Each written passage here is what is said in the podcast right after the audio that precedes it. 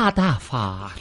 Jeps, øh, uh, harder fuck for en uh, fed Super Bowl, og den kommer vi selvfølgelig til at tale øh, meget mere om i uh, her i NFL Show, der er produceret af Kvartrup Media og optaget live on tape i samarbejde med Tafel og Otzed fra Danske Spil.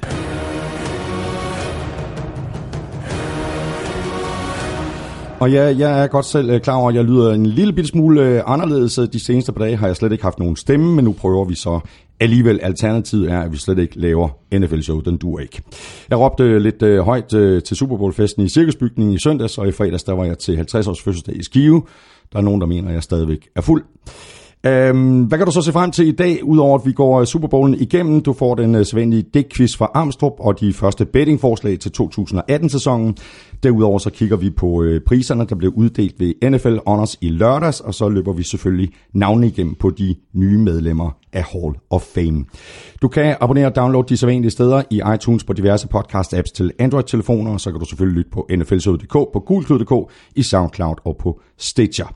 Tusind tak til alle, der valgte at støtte os med et valgfrit beløb på tier.dk, eller via det link, der ligger på nflshow.dk. Der kommer flere og flere til, og det sætter vi kæmpe stor pris på, ligesom vi også er glade for alle anmeldelserne i iTunes.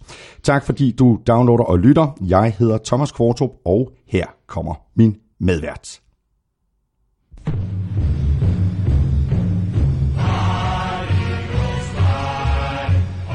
Og det er jo det eneste sted, vi kan begynde, Claus Elming. Ja, altså lige i dag, der vil jeg sige, der er det faktisk helt okay at spille Fly Eagles Fly, fordi de for første gang i klubbens historie har vundet Super Bowl, og øh, hvilken fantastisk måde de gjorde det på, hvilken fantastisk kamp, bedst som vi troede, at Super Bowl ikke kunne blive vildere, så får vi den her spektakulære offensive fight og battle og Eagles, der vinder til sidst. Ja, det var helt, øh, det var helt forrygende. Det var en øh, helt fantastisk kamp, og vi snakkede jo øh, i Super Bowlen efter kampen, og så det kan godt være, at, at kampen sidste år med det her vanvittige Patriots comeback var sindssygt, men det, altså den her kamp jeg kan ikke huske at have set en federe Super Bowl. Nej, og det er jo typisk, fordi øh, når, man, når, man, når man ser på, om en, om en kamp er underholdende, så ser man på, var der noget angreb, blev der scoret noget. Og det er klart, at den her kamp var jo så vild, fordi den satte jo for det første rekord for antal yards i en NFL-kamp. Ikke bare i en Super Bowl eller en playoff-kamp, men i en NFL-kamp. Ever! Ja, ja. Aldrig været flere yards i en kamp. 1151 yards. Det er mest af to hold i en kamp, hvilket er fuldstændig vanvittigt i sig fuldstændig selv. Fuldstændig vildt. Øh, men derudover, så var der jo ikke noget forsvarsspil. Der var to forsvarsmæssige plays i den her kamp. En, en Patriots interception og en Eagles sack, der blev til en fumble. Mm. Uh, og udover det, så var der ikke noget forsvar. Mm. Og så siger man så, jamen er det det, der gør en god Super Bowl, der bliver sat mange point på? Jamen det er jo præcis det, vi altid siger. Offense sells tickets, mm. defense wins championships. Og i sidste ende, der var det jo rent faktisk Eagles forsvar, der vandt det her mesterskab ja. til dem, selvom de var ikke eksisterende ja. en hel kamp. Men jeg sagde det jo, Claus. Jeg sagde, det blev en højt affære. Jeg er helt ryste over. Da du sagde det med en højtskående pas, så tænkte jeg, okay, det er to af de bedste forsvar i NFL det her. Godt nok så er det to gode angreb også, men altså, det ligefrem skulle blive en højtskående affære, at uh, Tom Brady skulle sætte rekord for flest kastejards og så videre. Altså, den havde jeg ikke set komme. God, øh, god fest i cirkusbygningen. Det var, det var et godt show, øh, jeg må sige. Øh, at se øh, Morten Andersen blive hyldet på dansk jord, det var, det var rørende, det var spektakulært. Og det var fedt at se cirkusbygningen give ham stor innovation, og i det hele taget bare, du ved, klap hver gang man så billeder af ham nej, fra, nej. fra Hall of Fame-ceremonien, og, og da han får at vide, at han skal i Hall of Fame og så videre. Det var, det var virkelig, virkelig stort. Det var det. Ved du også, der er stort? Is that a trick question? Taffelchips! Nå ja, okay. ja, den er stor, den pose i dag, ja, kan jeg godt se. Det er den. Du har allerede taget hul på en af poserne. Ja. Så vi kigger lige her. Jamen, jeg kommer jeg kom til at tage den der uh, tortilla nacho cheese chips der. Ja, ikke? de er altså ikke tosset. Den, den smager virkelig godt. Så uh, jeg er nødt til lige at nappe en enkelt her. Mm. Hvad er der mere i posen? Chili cheese rings. Dine favoritter super snacks. American Range. Og, og så, så er det nye Cornados. Det er det den almindelige Cornados, og den er god helt sikkert, men den der Cornados med cheddar, ja, den men, er sygt god. Men jeg beklager, de er væk alle sammen. Ja, du har spist dem alle sammen. Jeg har spist dem så alle tror, der pågår du ondt i halsen. så er der Super Snacks Holiday, og så selvfølgelig en klassiker, chili banase. Vi gør det. Vi kører.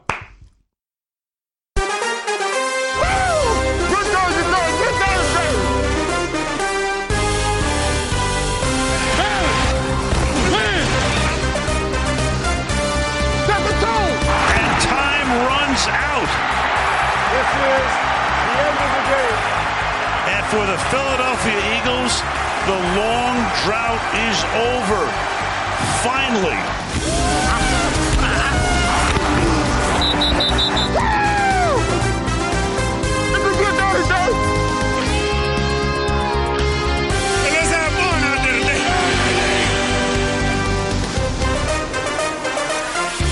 Ja, så lykkedes det om sider for Eagles at vinde Super Bowl. De var endnu en gang underdogs, men de slog Patriots med 41-33 i en helt forrygende offensiv kamp, hvor backup quarterback Nick Foles blev MVP.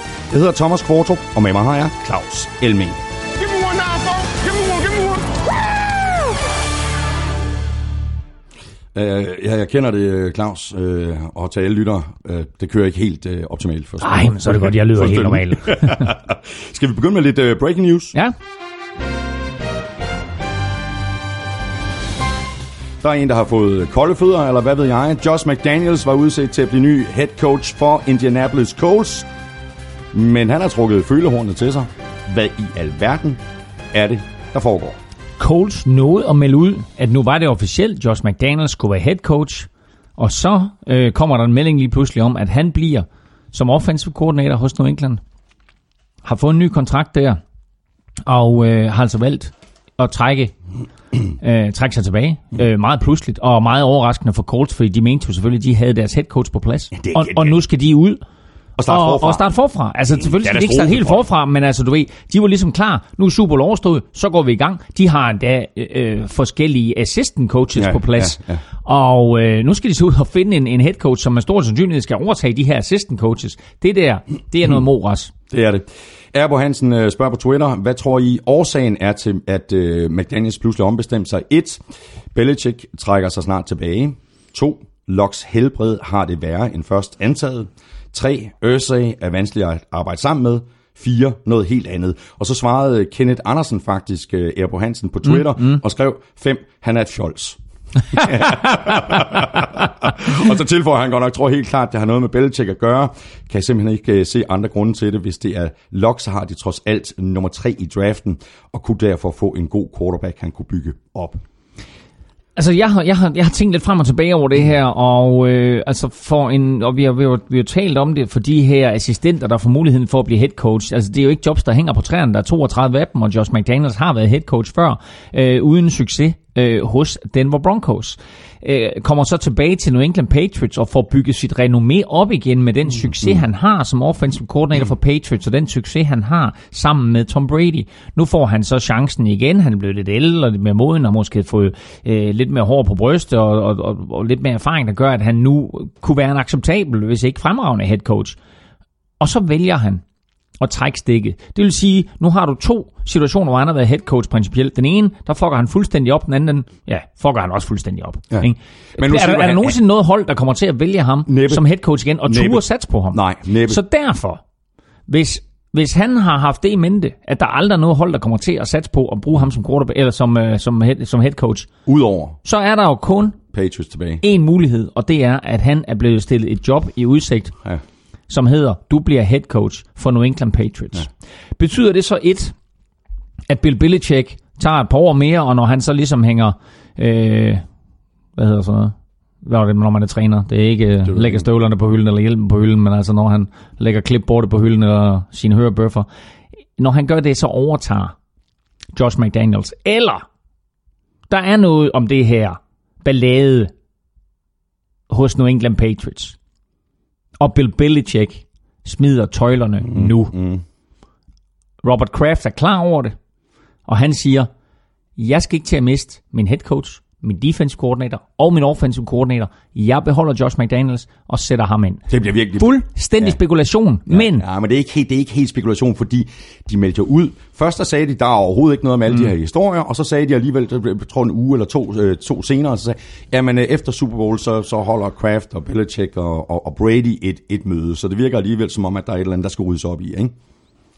Altså, der, der, sker, der sker spændende ting bag kulisserne i, uh, i New England, og det gjorde det også i Super Bowl, og det kommer vi jo helt sikkert tilbage til. Mm. Uh, men, uh, men det her, hvor, hvor Josh McDaniels får forbedret sin kontrakt, øh, og, og, og, og kommer ind og fortsætter sit job som offensive coordinator, jamen det er fint, men du har stadigvæk en titel, der hedder offensive coordinator. Det kan godt være, at du tjener øh, væsentligt flere penge, end måske et, du gjorde før, og måske to, alle andre offensive coordinator i, i hele NFL. Øh, Jeg har ikke indblik i, hvad hans kontrakt indebærer. Men du siger stadigvæk nej tak til et head coach job. Så der er et eller andet i gære i New England, der gør, at Robert Kraft, ejeren, sagde til Josh McDaniels, Hallo ven, mm-hmm. du bliver her. Vi har groomet dig, vi har gjort dig klar, vi har, øh, altså Bill Belichick har lært dig alt, hvad han kan, og, og, og modellere dig til, hvor Bill Belichick er defensiv, ikke så er Josh McDaniels offensiv, så han har modelleret sådan en offensiv kraft med alt, hvad Bill Belichick ellers står for. Nu bliver du her, og så er det dig, vi satser på fremadrettet. Det bliver simpelthen så spændende at, at, at følge med i det her. Og det bliver jo super godt, ikke? Altså, så bliver det Josh McDaniels, og så øh, Garoppolo som... Nå, nej. Vi går i, i flæsket på, øh, på Super Bowl 52 lige om lidt, men først der skal vi lige have sat quizzerne i gang. Vi skal have quizzen. Oh. Det er tid til quiz, quiz, quiz, quiz, quiz. og jeg havde så svært ved at vælge. Jeg har nogle virkelig, virkelig gode quizzer til dig. Nej, ikke, ikke flere quizzer. En quiz. En, du får en quiz, og så får du de Jeg har, andre. jeg, har, ikke- jeg har ikke stemme til at svare på to nej, quizzer. nej, nej, men så får du de andre, dem får du løbende. Det er stærkt. Uh, Nick Foles startede tre kampe i grundspillet, vandt Super Bowl og blev MVP. Hvem er den eneste anden spiller, der har startet maksimum tre kampe, vundet Super Bowl og blevet MVP? Can't do it. Jeg er helt blank. Nå, okay. Jamen, det er godt. Det vender vi tilbage til. Ah, jeg er helt blank. Nå, du, du skal ikke snydes. Armstrong har været på arbejde. Her kommer det quizzen for Super Bowl 52. En Super Bowl uden forsvar. Hvad så Brady? Stop eller forfra? Køligt i minus Apollos. Frost og white powder. Philly cheesesteak er bedre end New England clam chowder. Hverken tv eller kampen savnede Cutler, og Timberlake var mere aktiv end Malcolm Butler. det er jo ikke engang løgn. Og, og sørgeligt, og sørgeligt. På den der indramme. Den er god.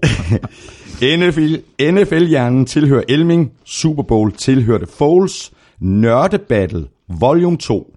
Hvem har vundet de seneste 15 Super Bowls? Du var jo godt i gang med at blære dig for et par ugers tid siden, hvor du bare sad mm. og, og griflede op, så nu får du altså chancen for at gøre det færdigt.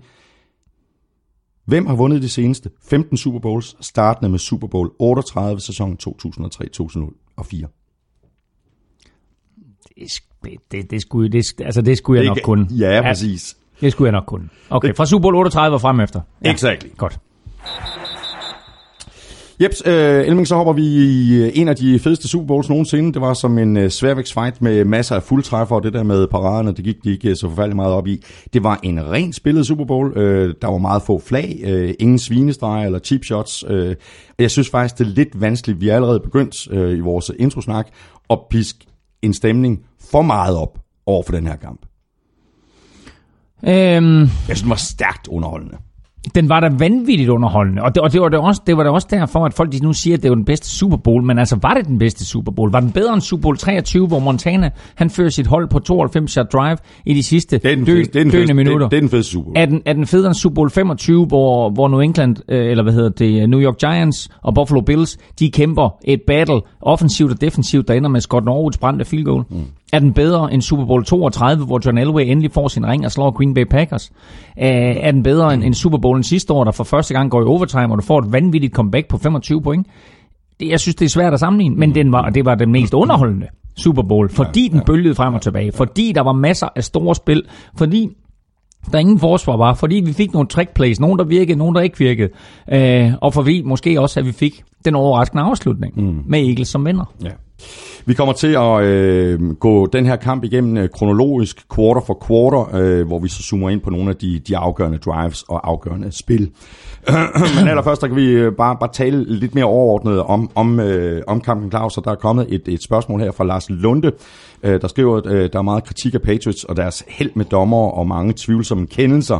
Øh, I Super Bowl 52 var der til gengæld et par episoder, som der blev fløjtet til Eagles fordel. Hvad er forskellen på Zach Ertz' TD modsat Jesse James øh, mod Patriots tidligere på sæsonen, og Corey Clemens TD i bunden af endzone, opnår han kontrol med begge fødder inbounds. Hvad siger I til det? Jeg tager på ingen måde øh, sejren fra Eagles, da de vinder fuldt fortjent og spillede en bedre kamp. Men altså de her to episoder, som altså gik Eagles vej. Og jeg sad og, og tekstede lidt med en uh, Patriots-fan, jeg kender i Canada, som, uh, som skriver, ej, så går sådan to 50-50 situationer imod mm. os. Mm. Og så skrev jeg tilbage 50-50 spørgsmålstegn. Mm. Um, og jeg vil sige, Corey Clement, touchdown der, hvor han griber den, og så måske mister en lille bitte smule håndtaget på bolden, kunne faktisk godt tidligere på sæsonen have været kaldt mm. tilbage. Øhm, ham der, Al Riveron, som nu sidder og styrer replay i, i New York for NFL, øh, han har haft øh, nogle underlige beslutninger i løbet af sæsonen, og den der, den kunne, der kunne dommeren sagt have sagt, ja, men han mister kontrollen, og så ja. får han først fat i kontrollen over bolden, efter ja. han er ude over Men der er også et eller andet fuldstændig vanvittigt over det her, at man skal, at man skal kigge på sådan noget i super slow motion, ja, ja. og så rykker den sig en millimeter, og ja. så, ja, så han mister kontrollen. Ja. Altså, sådan som jeg så det, ja. så, så justerede han, han grebet om bolden. Ja, ja. Altså, øh, og jeg var også helt enig i kendelsen. Altså, når den er dømt som touchdown på banen, så kan du ikke ændre den. Jeg vil sige, var den ikke dømt som touchdown på banen, så kan du heller ikke ændre den. Så altså, den, den, den skal bare stå mm. ved den kendelse, der er dømt. Den anden med Zach Ertz, der kan i min optik ikke være nogen som helst tvivl om, det er touchdown. Han helt, griber helt bolden. Enig. Han tager tre eller fire skridt. Han etablerer sig som løber. Fuldstændig. Ja. Og så kaster han sig ind over. Øh, og i det øjeblik, at bolden rører mållinjen, så er der sådan set touchdown. Ja, så er det jo fuldstændig ligegyldigt, at han tager bolden og greb den igen. Fuldstændig, fuldstændig ligegyldigt. Uh, og så er spørgsmålet om, om det er sammenlignet med Jesse James. Jeg synes også, det var en fejl, at Jesse James' touchdown uh, ikke fik lov at stå. Ligesom det var en fejl, at Calvin Benjamins touchdown ikke fik lov at stå. Ligesom det var en fejl, at, at uh, Calvin Johnsons Megatrons touchdown, som er, er baggrund for hele den her regel her, uh, ikke fik lov til at stå. Mm. Uh, så der er noget fundamentalt galt med øh, catch-reglen. Og det er også derfor, at Roger Goodell var ude her i ugen før Super Bowl i Minneapolis øh, på, på sådan, øh, nu holdt øh, Trump en State of the Union tale, og det, øh, det gjorde Roger Goodell sådan set også set med NFL-øjne. Og øh, der sagde han jo direkte, at vi kommer til at kigge på catch-reglen, for den fungerer ikke Nej. i sin nuværende form. Så jeg glæder mig til at se, hvad NFL de finder ud af, øh, fordi det er selvfølgelig ikke nemt at gå ind og justere øh, på den her regel, men man er kommet til et eller andet punkt nu, hvor den egentlig fungerer, og så gør den jo ikke alligevel. Så, så det bliver interessant at se, hvad, hvad de gør der. Jeg synes, Zach touchdown var 100% klart. Corey Clemens, alt afhængig af, om det var grebet eller ikke grebet, dømt på banen. Det var det, der, der, skulle, der skulle fortsætte. Øhm, og, øh, og så kan man sige, altså sammenligningen med Jesse James' touchdown, synes jeg også er, ret, mm. retfærdigt nok. Mm. Det er jo forholdsvis uh, usandsynligt bare for et uh, par ugers tid siden, at, øh, at, at, at nogen ville have troet, at Nick Foles uh, skulle blive MVP i, i den her Super Bowl 52. Det blev han. Fortjent, synes jeg. Han konverterede tredje downs på samlebånd, og han var altså ekstremt beslutsom i kastespillet. Han øh, konverterede 10, øh, i, i semifinalen mod, mod Vikings, der konverterede han 10 ud af 14 tredje downs. I Super Bowl, der konverterede han 10 ud af 16 tredje downs, og to fjerde downs, hvor han selvfølgelig kastede den ene og greb den anden. Øhm, så, øh, så altså på tredje eller fjerde down, der konverterer Eagles 12 ud af 18. Det fik drives til at fortsætte, og det satte point på tavlen. Ja. Så øh, en imponerende offensiv indsats af Eagles, en imponerende offensiv tilgang til hele playcallingen af Doc Peterson, som viste utrolig store coronas ja. i hele den her kamp her, og jo præcis levede op til alt det, som alle sagde, du må ikke tage foden af gaspedalen. Hold trykket, mm. uanset om du er foran eller bagud. Det eneste tidspunkt, hvor de spillede konservativt, det var, da de fik bolden til aller, aller sidst, ja. og løb bolden tre gange i træk. Det var den eneste tidspunkt i kampen. Ja, præcis. Det var det eneste tidspunkt i kampen, hvor de løb bolden tre gange i træk. Det her angreb, som vi talte om, at de skulle etablere løbeangrebet med LeGarrette Blunt og med Jay Ajayi og til dels med Corey Clement, eneste tidspunkt, de løb ja. bolden tre gange i træk i den kamp her, det var til sidst, mm. hvor de var kloge nok til at sige, i modsætning til Falcons sidste år, godt, vi er inden for field afstand. Vi er foran med fem. Vi er foran med fem. Nu løber vi bolden tre gange i træk. Og så kan man så sige, når man så løber bolden tre gange i træk, så siger man, shit, vi har glemt, vi har en rookie kicker. Men han kommer ind, og på trods af, at han har brændt et ekstra point, så banker han den der op, og hvad var den, var den 44 eller noget i den retning? 42. 42. Ja, det, jeg, øhm, så øh, et, et, et intelligent drive til sidst, hvor man kan sige, at det de egentlig spillede der, det var, de spillede offensivt på den måde, at det sådan, at de sagde, okay, vi holder bolden i egne rækker, og så giver vi Brady så ja. lidt tid som overhovedet ja. muligt til at, at lave det der comeback, han ellers plejer, og så i øvrigt foran med 8. Mm.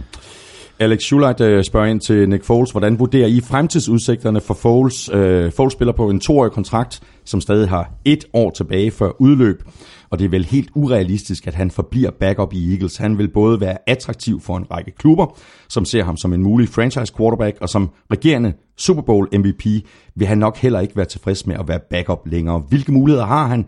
Kan kræve at blive fritstillet, eller kan Eagles insistere på, at han skal trades? Altså hvis der mm. eventuelt skulle komme et godt bud. Så er der endnu et spørgsmål omkring Foles. Det kommer fra Nikolaj Biskov. Hvor stor værdi ser I i Foles? Der er stadig mange klubber, der mangler en quarterback, og Foles må være oplagt. Jeg lurer lidt på, om ikke Eagles kan få et first round pick for Foles. Det er altså en Super Bowl MVP, vi taler om.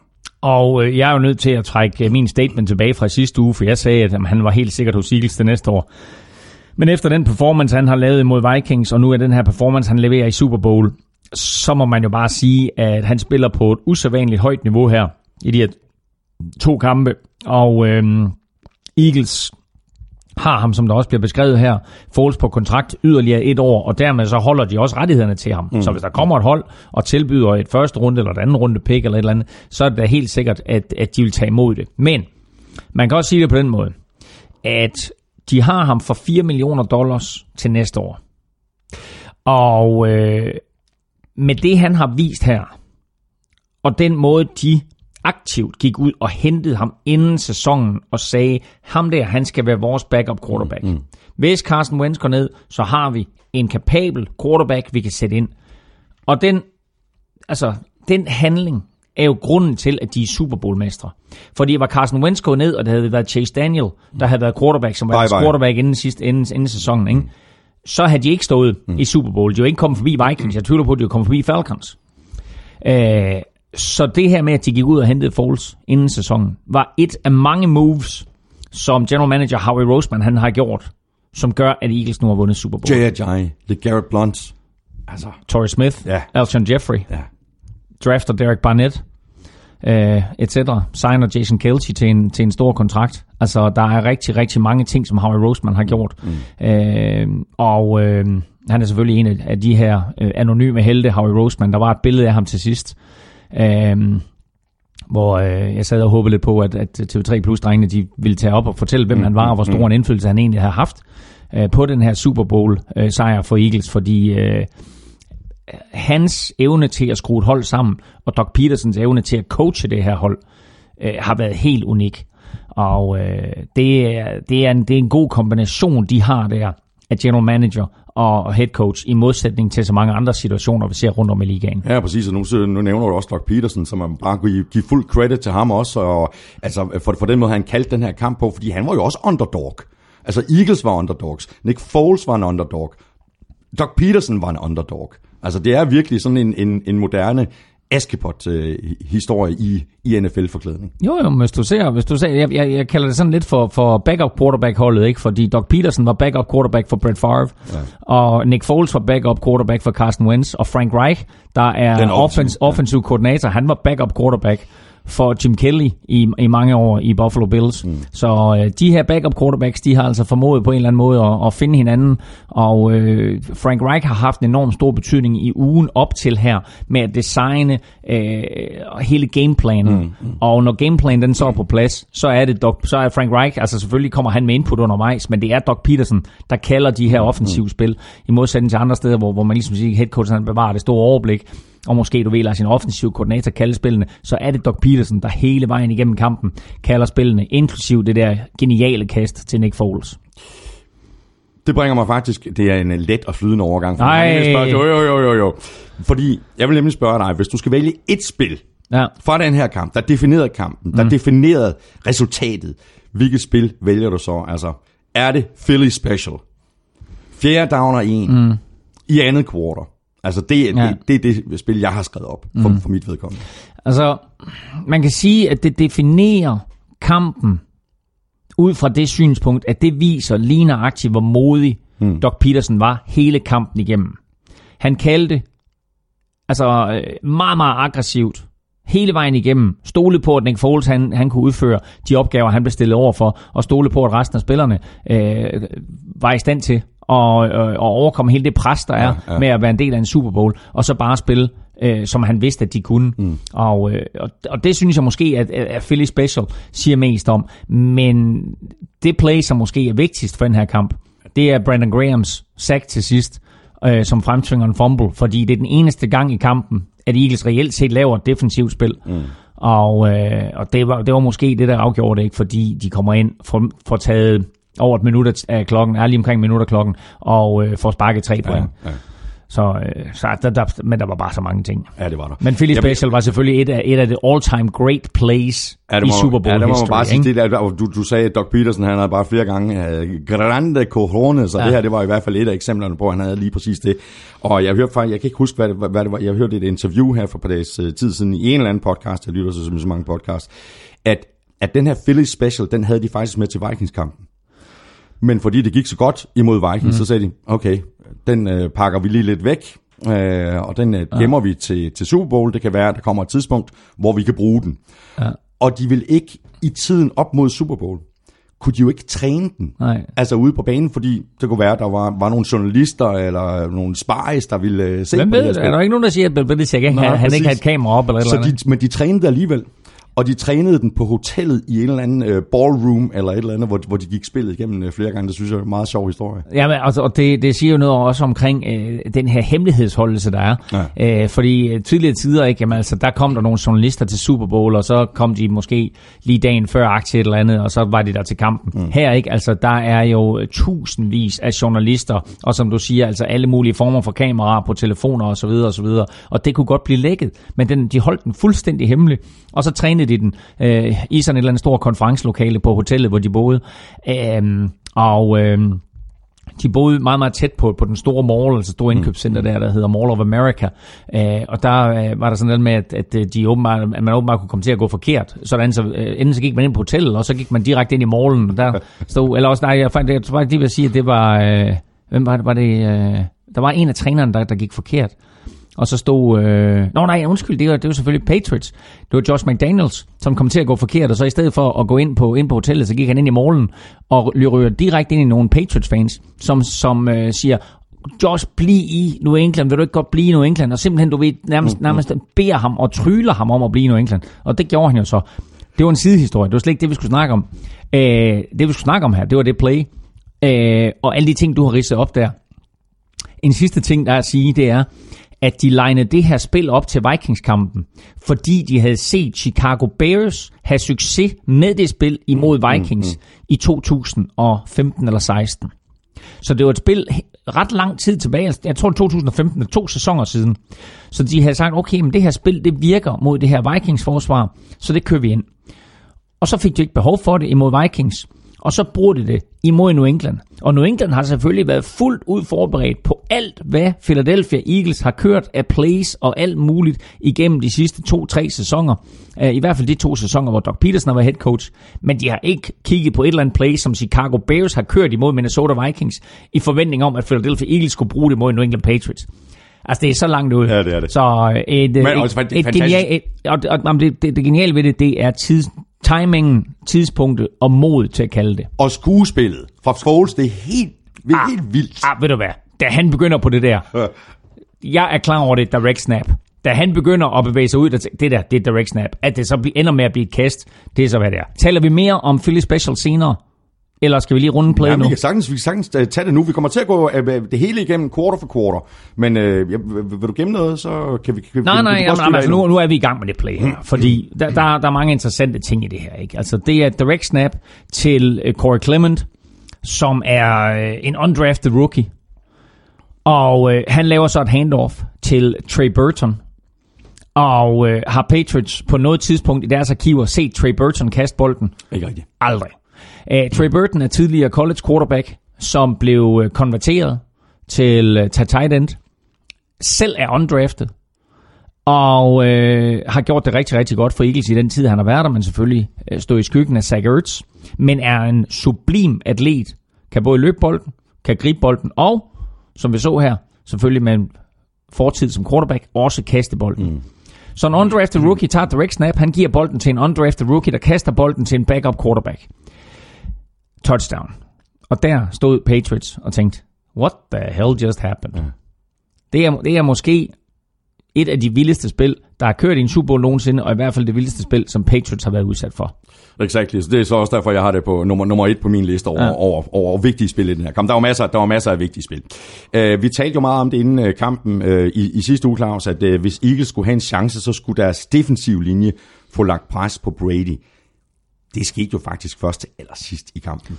De havde en lille bitte smule held i anden kvartal, og der sad jeg og kiggede på det der. De ramte Brady en enkelt gang, hvor han, øh, tror faktisk, han completer dybkast, kast. Øh, det er rigtigt, der til, bliver han til, Jeg tror, det er til Danny Amendola. Ja, eller til, han ømmer sig. Ja, og han ømmer sig. Ja, ja. Og så tænkte jeg, okay, nu begynder de at få pres på. Nu begynder de at vinde det her battle i, i skyttegraven, den defensive linje over for Patriots offensive linje. Men det var næsten det sidste, vi så ja, til, ja. den defensive linje. Øh, indtil det her saxer af Brandon Graham. Så en af de helt store ting, som vi talte om, skulle lykkes for, for, for Eagles, øh, det blev sådan set lidt ligegyldigt. Også fordi, at Foles og angrebet var i stand til at score så mange mm, point, som de var. Mm. Så det blev jo det her offensive shootout, i stedet for en, en, øh, en defensiv affære, hvor, hvor vi jo havde forventet, at skulle Eagles have en chance for at slå Patriots og Brady, mm. så skulle de gøre det på samme måde, som Giants havde gjort det, Ja. nemlig ved at få pres på med den defensive linje, og, øh, og tvinge Brady til at kaste hurtigt.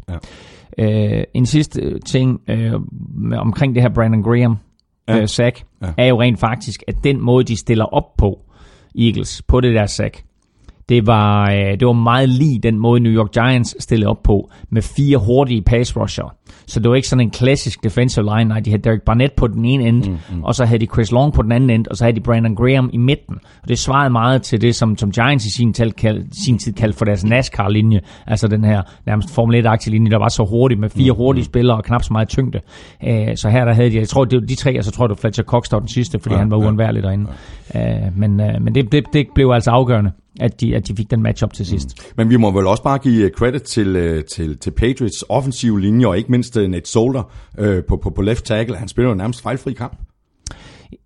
Ja, det, jeg, jeg kan huske, der var, der var en enkelt gang, hvor jeg, hvor jeg kiggede til og tænkte, ah, det var ikke så godt det der, men altså, de, de, altså, de to offensive linjer spiller jo i det hele taget rigtig godt. Altså, det sjove det hele, det er jo, at det var lige nøjagtigt Shaq Mason, som bliver slået på det sack der. Det var lige nøjagtigt ham, som jeg havde pointeret, der så ret uheldig ud et par gange imod Jaguars. Og her, der bliver han altså øh, slået i en en mod en matchup af Brandon Graham, og det er jo det, der fører til, øh, til, til Bradys sack og fumble, og man kan ikke laste Brady for den der, fordi der skal ikke være en, en Eagles-spiller der. Mm. Så øh, Brandon Graham, får den en mod en situation, som han har ventet på hele kampen. Og da han endelig får den, så vinder han det her battle og, og får slået bolden fri. Og så er det rookie Derek Barnett, som jo i sidste uge fremtvang en fumble mod Vikings, afgørende fumble mod Vikings. Og her i den her kamp får en, øh, får en fumble og recover en fumble. Æh, så en, øh, et fantastisk playoff for den her rookie defensive end, som jeg jo må tage på min kappe, at, at jeg svinede lidt, da de draftede ham og sagde, det forstod jeg simpelthen ikke. Men uh, sikkert draft pick og ja, sikkert en værdi, han har vist sig her, her i, i slutspillet. Foles han angreb jo i, i stor stil uh, cornerback Eric Rowe og safety Jordan Richards, fordi uh, Malcolm Butler, han var jo ikke på banen.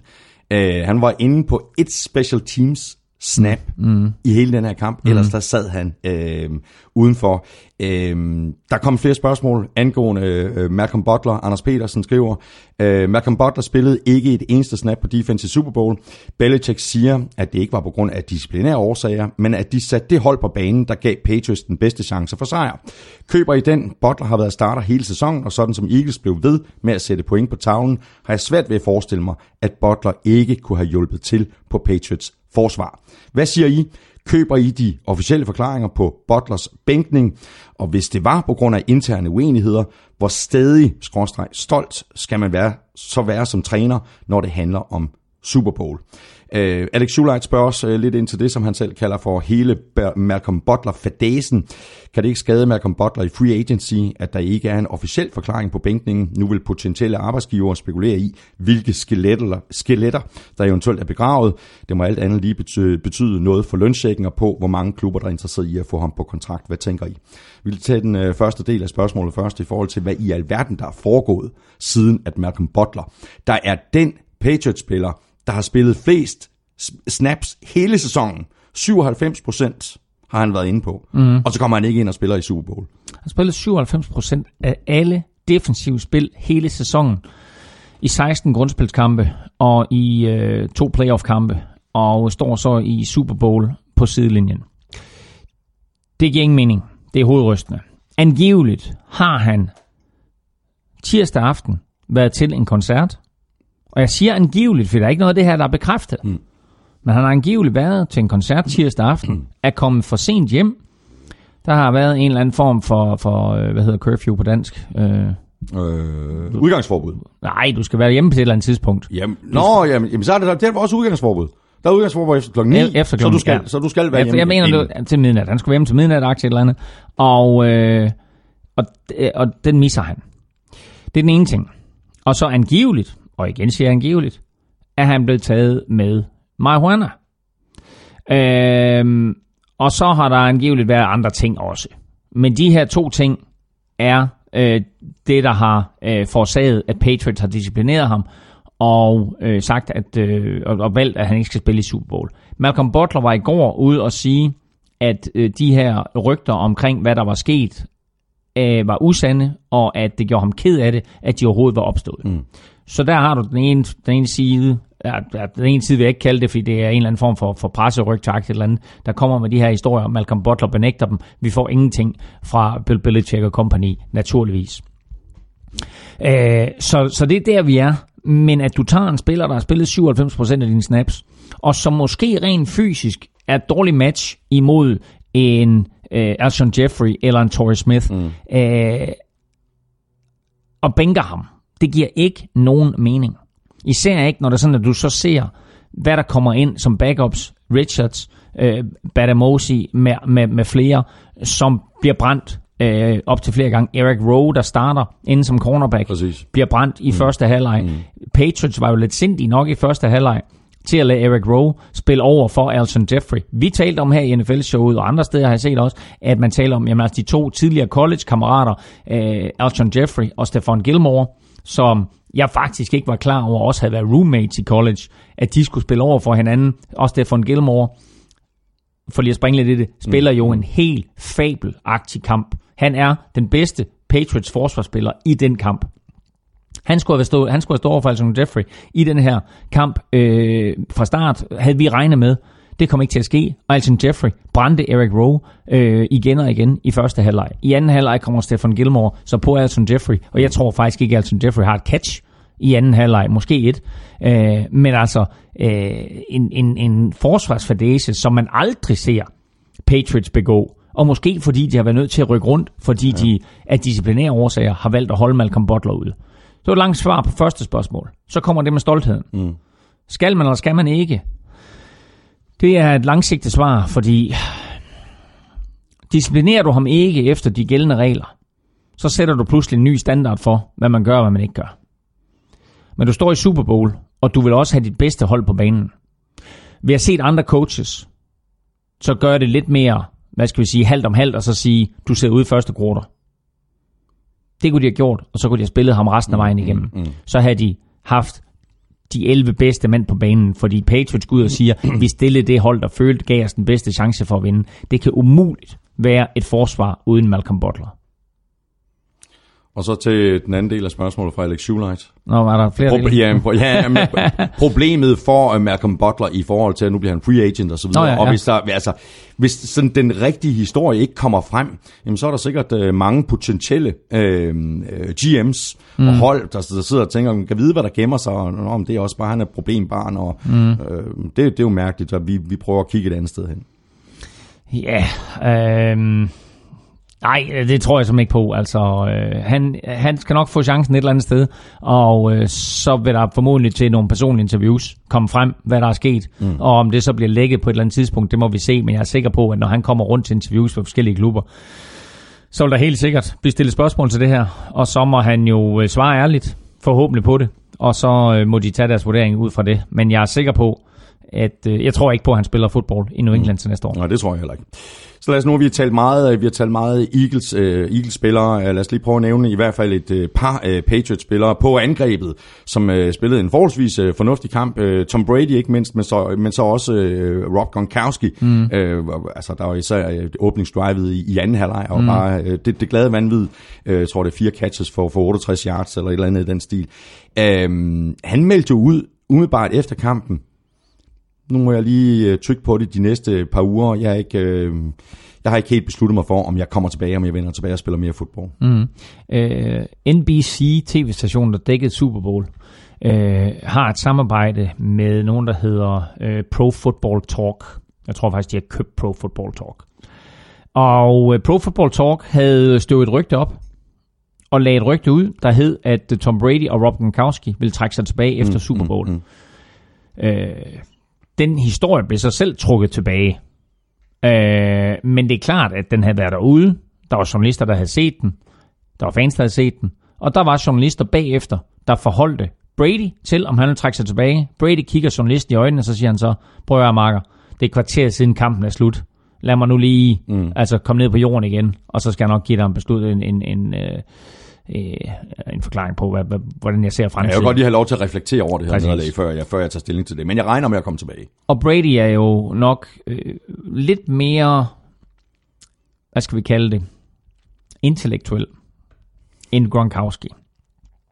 Så da Gronkowski han bliver stillet samme spørgsmål, så siger han først, sådan, jamen, det ved, det ved jeg ikke helt. Altså, det, jeg, jeg er bare glad for at være her sammen med mine holdkammerater. Vi har spillet en god kamp, og jeg elsker de her drenge her. Og så kommer der et opfølgende spørgsmål, og så siger han, jamen, det er jeg faktisk ikke helt parat til at svare på. Hvor har du det fra?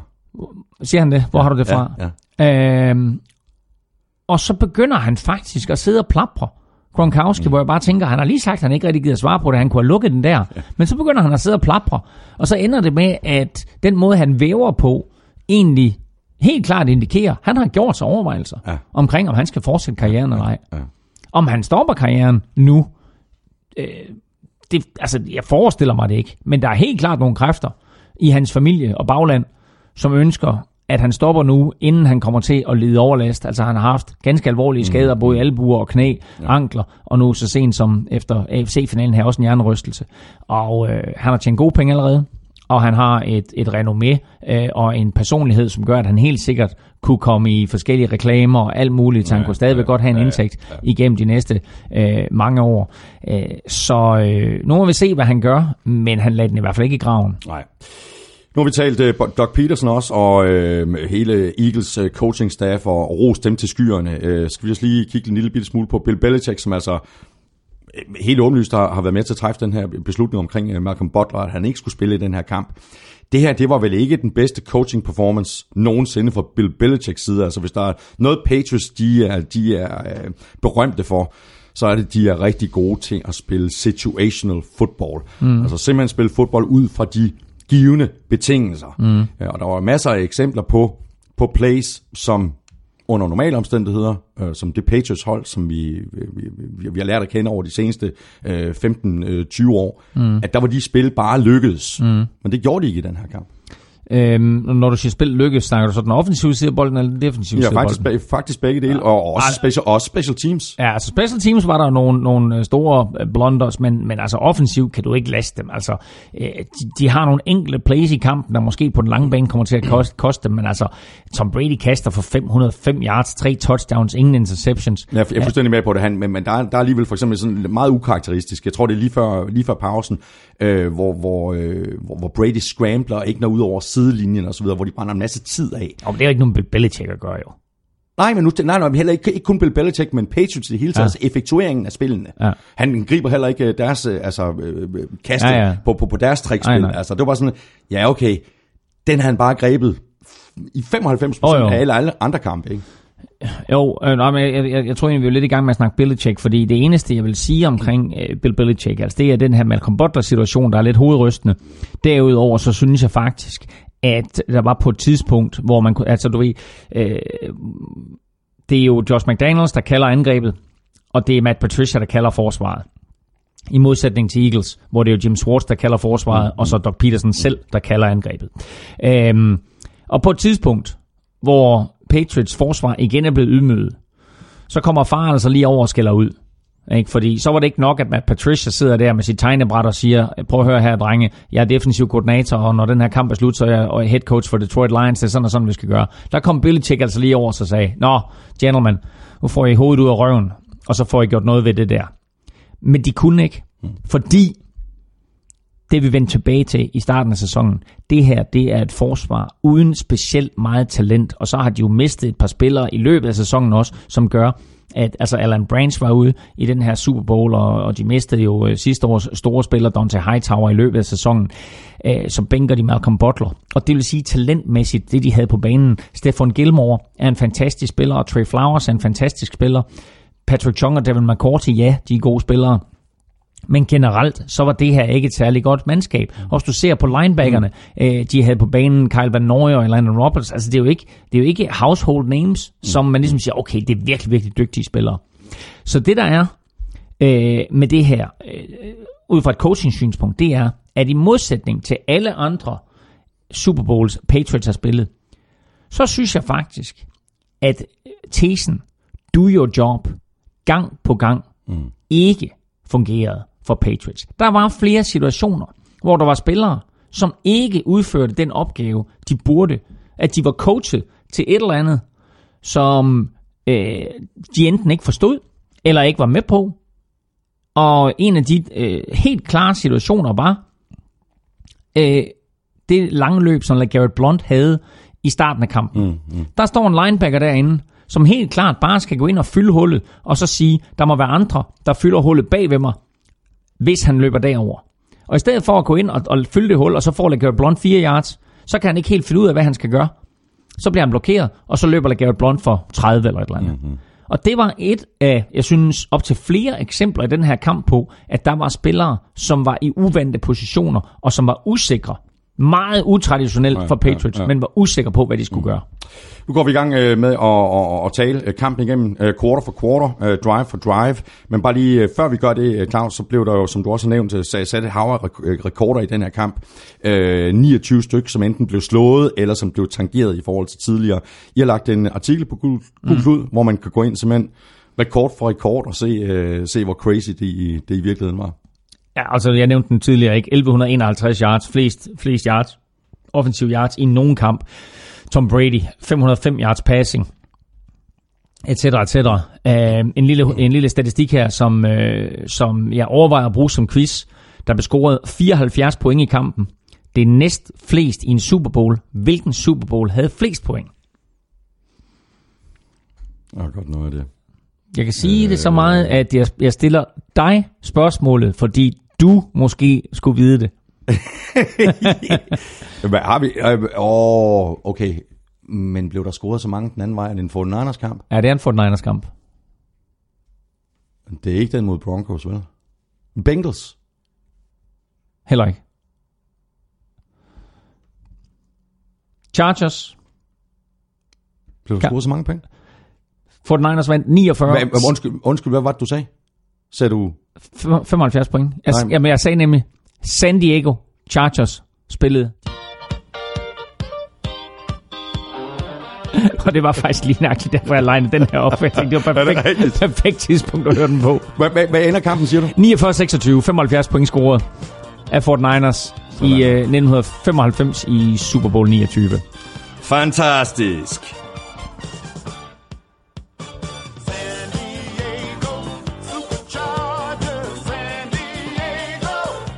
Chargers. Det er ikke så godt for min stemme. Nej, eller min. det er ikke så godt for min stemme, det der. Nå, lad os tage den fra, fra toppen, Claus. Yes. Øh, gå kampen igennem quarter for quarter. Eagles, de startede med bolden, øh, og det var fuldstændig som om, at øh, Foles bare fortsatte, hvor han slap i konferencefinalen mod Vikings. Kommenterede vigtige tredje downs undervejs. Fandt både Nelson Aguilar, Alton Jeffrey, Torrey Smith og Zach Ertz på vej ned af banen. Ajay fik et par korte løb, og Corey Clement øh, greb en, en 16-yard catch and run. Og så var Eagles ellers helt ned på, på 5 linjen blond op i midten og ned på 2 linjen og så en rigtig dyr false start af Zach Ertz, og det skal man jo ikke gøre mod et hold som, som Eagles, er mod Patriots, øh, og i særdeleshed ikke i Super Bowl. Altså en 5 yards straf, ikke? Nej, fordi en af de andre ting, jeg havde pointeret, øh, i min optag til kampen her, det var, at Patriots er så gode til at lukke ned, lukke ned for hold, der kommer ind i red zone, at de bliver ofte tvunget til at nøjes med et field goal. Og når du står på linjen, så må du ikke komme derfra i en Super Bowl med kun tre point. Mm. Så derfor så var Zach Ertz's uh, fall start der rigtig, rigtig dyr.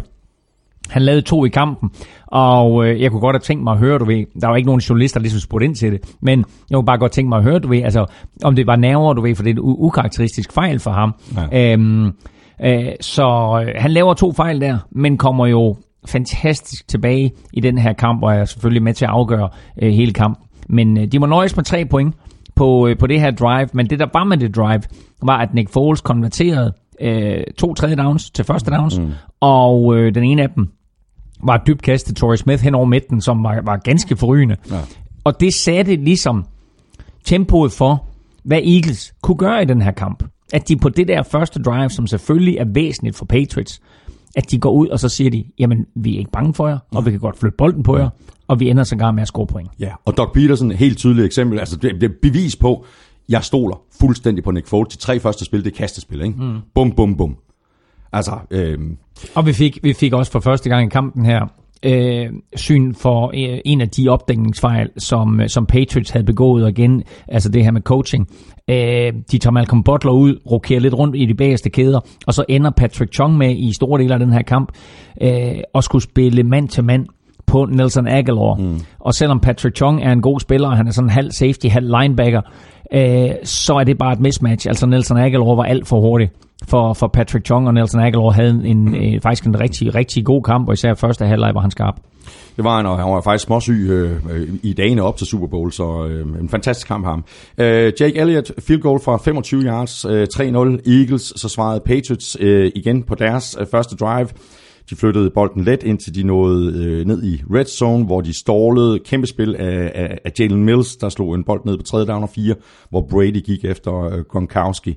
Øhm, og så udligner øh, Steven Gronkowski så med et field goal fra fra 26 yards. Og det her, det var faktisk, øh, øh, det kunne være blevet et rigtig, rigtig stort spil for Eagles, fordi den bold, som Brady kaster til Gronk, den slår Jalen Mills op og er der en Eagles-spiller i nærheden? Der står faktisk tre Eagles-spillere, men de er alle sammen på vej i en anden retning end mm, bolden, mm. så de kan ikke nå at justere. Men den er faktisk slået op længe nok til, at det her det kan ende med at blive en interception.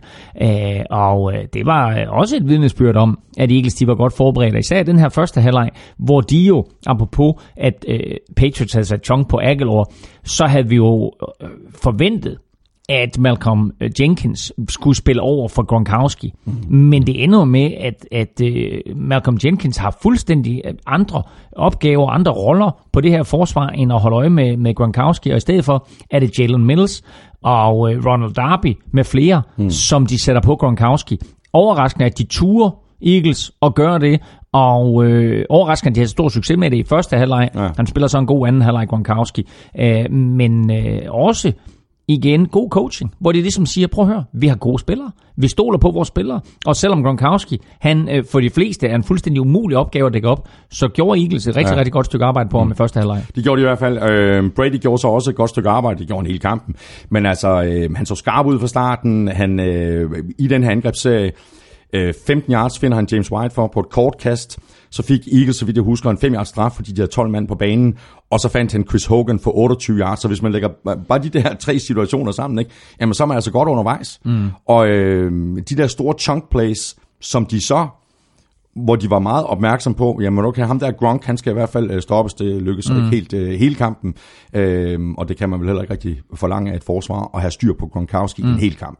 Nej, men nu, nu siger du det der med, med for mange mænd på banen for Eagles, fordi det var det, var, det var det der, hvor Tom Brady viser sin store rutine. Han ser, at Eagles prøver på at lave de her rotationer, som de gør på den defensive linje. Eagles roterer meget på den defensive linje for at holde folk friske, sådan så de får kun to-tre spil ad gangen, mm. og så ud, og så ud på sidelinjen, og så ind igen. Og det vil sige, at når vi rammer fjerde kvartal, så har de stadigvæk masser af power i benene. Men øh, når Eagles de forsøgte det der, så gik øh, Tom Brady i no-huddle, øh, og så så du pludselig, at Eagles, du ved, så tænkte, vi kan ikke tillade os at begynde at skifte ud her. Så det var helt klart en strategi også for Patriots, det var at sige, prøv at de spillere, der er på banen for forsvaret, dem holder vi på banen. Øh, og begynder de at skifte ud, så går vi lynhurtigt til linjen. Øh, så det var øh, også et statement for Patriots til at starte med. Det var bare, lad være med det udskiftning der, fordi vi ja. kan lynhurtigt justere ja. til, at, at Brady han bare går op til linjen og snapper bolden. Øh, og det er den erfarne quarterback som gør det, øh, og, og leger lidt med, med, med, med, hvad skal vi sige, den erfarne defensive koordinator i form af James men altså, det var helt klart også en, en, øh, en trend, som vi så fra Patriots i starten af kampen. Og så det næste, jeg har noteret, det er, at uh, Patriots fik bolden igen ved stillingen uh, 3-3 stadigvæk. Det var så på den angrebsserie, at Brady på en tredje down og syv blev presset ud af lommen, og så alligevel completed en 50 yarder til, til Amendola, og det var bare imponerende spil af, af Brady, og det er så den angrebsserie, der ender med, at Goskowski, han øh, misser øh, et, et field goal forsøg fra, fra 26 yards. Øh, dårlig snap, øh, holderen får ikke fat øh, på bolden, og, øh, og, og misser simpelthen øh, det her field goal. Øh, ja, jeg tror ikke, der står 3-3 der, for jeg er ret sikker på, at Eagles de kører ned og scorer touchdown og bringer sig foran 10-3 øh, på den efterfølgende angrebsserie. Øh, Jeg mener først, det er i anden corner. Nej, nej, nej, nej. Det, det kastet til Ashton Jeffrey ned bag ved, ved Eric Rowe. Det er, øh, efter det står 3-3, der får Eagles bolden tilbage, og så kører de jo direkte ned, fordi i den her kamp, der er der kun to drives, hvor Eagles ikke scorer point. De har en træer ud efter det brændte field goal, du snakker om, og så har de den interception. Ellers så scorer de point på alle deres angrebsserier, hvilket var helt, helt, helt imponerende. Øh, så hvis vi tager den der angrebsserie først, lige med Alton Jeffrey, der, øh, prøv, hvad, har du, hvad har du legnet op til den? Øh, den jamen, der har jeg lige lavet Okay. i, mine, øh, i mine noter. Øh, Nå, men så lad os bare lige, så lad os bare lige gennemgå den kort, fordi øh, det bliver 3-3, og så tænker man, nå, okay, fint nok, det havde været godt for Eagles at, at holde Patriots uden point, men altså, Patriots scorer faktisk de første point i en første quarter i nogle af deres Super Bowls under, under Bill Belichick og Tom Brady. ja, det er også crazy, ikke? Første point, de scorer overhovedet i første quarter. Så går, så får øh, Eagles bolden tilbage, og så kører de lige ned ad banen, og så tager Nick Foles et dybskud i endzonen, og kaster den i den matchup, der hedder Alshon Jeffrey over for Eric Rowe. Og øh, de to øh, kender ikke hinanden, men Eric Rowe er tidligere Eagles-spiller og har taget en, en øh, frygtelig øh, masse hits på, på Twitter og andre sociale medier. Mm. Øhm, og har sagt, at hey, jeg er klar til den her kamp. Men Alshon Jeffrey stiger til værs i bagenden af endzonen, griber bolden højt op over Eric Rowe og kommer ned med bolden til touchdown. Og efterfølgende, Nu ved jeg, hvad der er sket. Jeg har byttet Ja. rundt på to stykker papir. Så det, Nå, det er derfor, vi er der. Det, det, det er det hele. Godt. Øh, så lad mig lige gøre færdigt, så kan du lige tage det, du har. Øh, efterfølgende sagde Frank Reich, at de havde en, øh, og ikke bare i den her kamp, men i det hele taget, og det er faktisk første gang nogensinde, jeg har hørt det, og det er ret genialt, men de havde en strategi om at kaste i bagenden af endzonen, fordi det er det område, der er dårligst bemandet. Mm-hmm. Fordi der er ikke nogen, der kommer, øh, hvad skal vi sige, bagfra og kommer løbende fremad. Alle, der bevæger sig ned mod bagenden af endzonen, de kommer inden for banen. Det er jo ikke sådan, at hvis du kaster bolden på 20-linjen, så ved du, så kommer der nogen ned fra 10-linjen op for at takle dig. Der er ingen på den anden side af bagenden af endzonen. Så både touchdownet til Corey Clement senere, og det her touchdown til Alshon Jeffrey, det er kastet i bagenden af endzonen.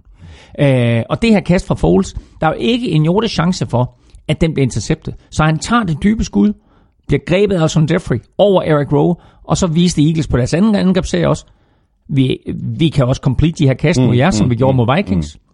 Vi kan flytte bolden, og det gjorde de konsekvent, og så stod det 10-7. Eller 10-3. Der stod 9-3. 9-3, det er rigtigt, fordi så brændte Fordi så brænder Jake Elliott Præcis. ekstra pointet.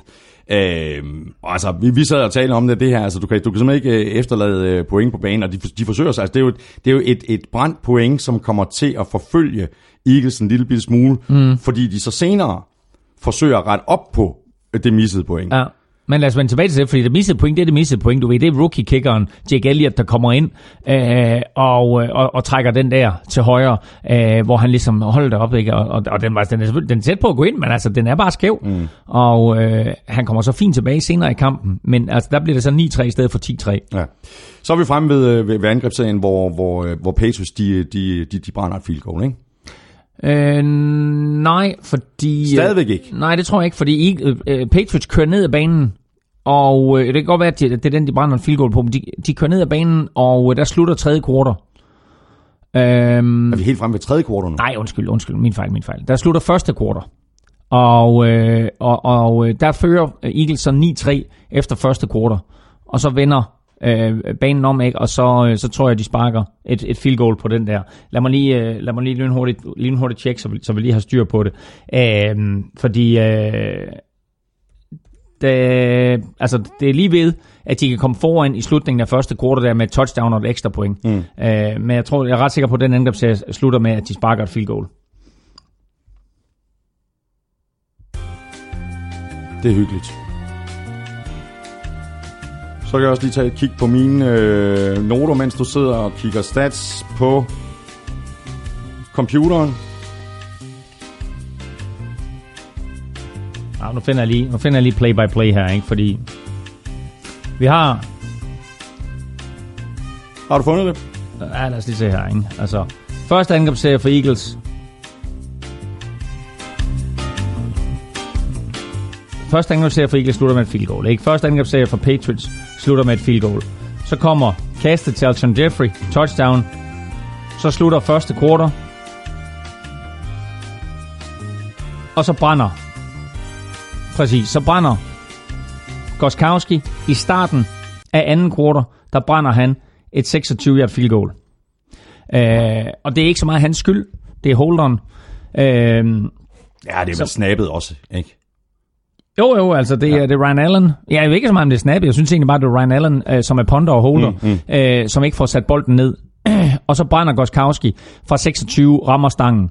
Og hvad er der interessant ved det? Det er, at det tangerer Morten Andersens spark for korteste brændte field goal ja, i Super Bowl-historien. Ja, præcis. Så øh, Morten, blev- han, Morten blev- han brændte den 26 i Super Bowl 33, og øh, her der brænder Goskowski altså også en, en 26, så nu, nu har vi nu deles de om den rekord, der hedder kortest brændte field goal i Super Det blev så også noteret i cirkusbygningen i, i, i pausen, hvor, hvor, Ja. hvor, hvor Morten Andersen han, han fra scenen siger, hold da op, det var da det var godt nok et kort spark og, og, og misse, hvad er nu det for noget?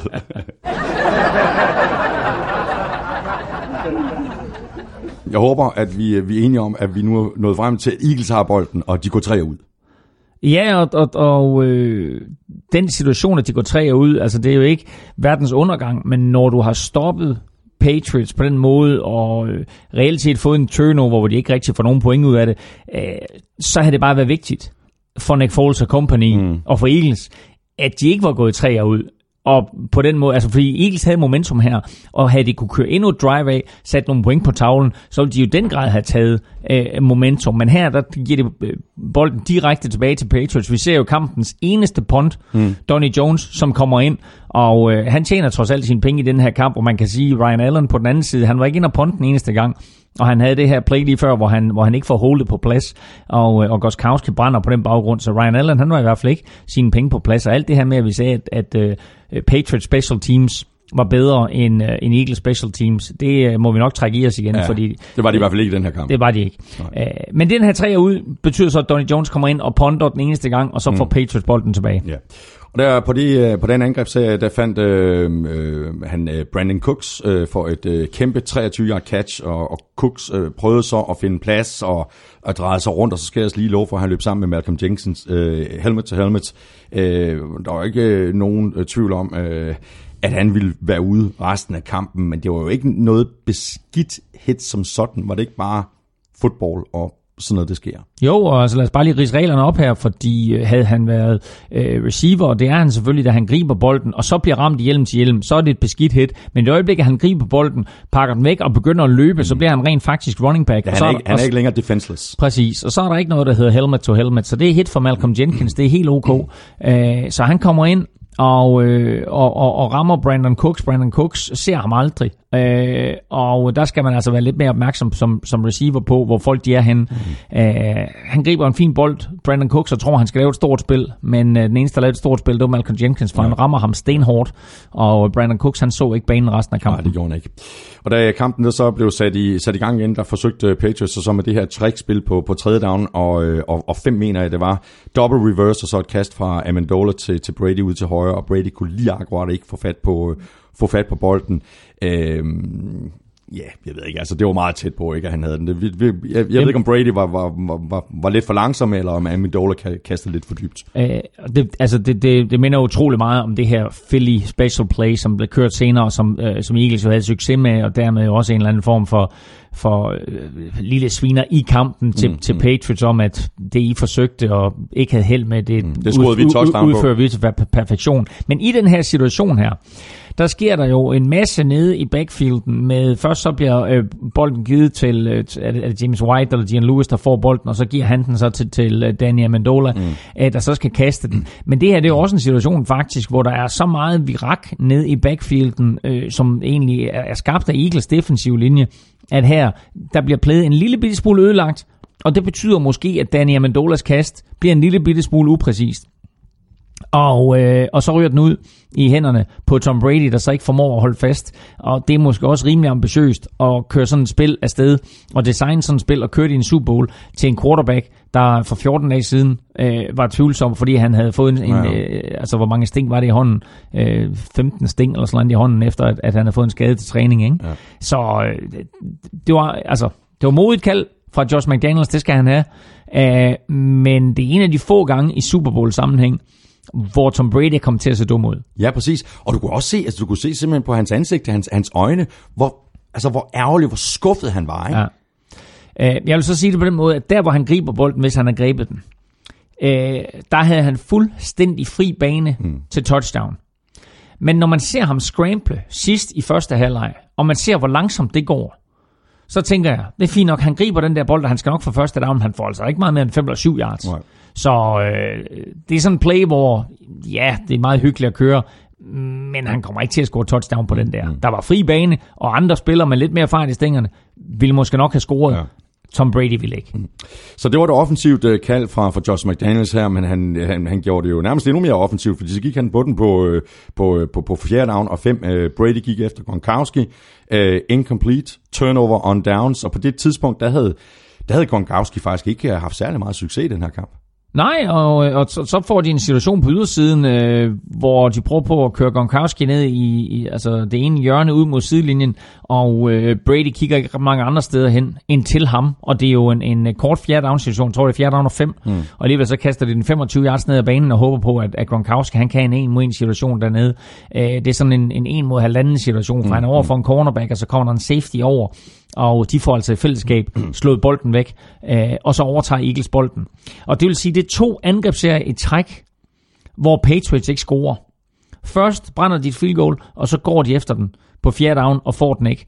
Øh, og altså set i bagspejlet, så er det her jo en meget, meget afgørende sekvens, et meget, meget afgørende tidspunkt i kampen at Patriots ikke formår at score på de to angrebsserier. Ja, præcis.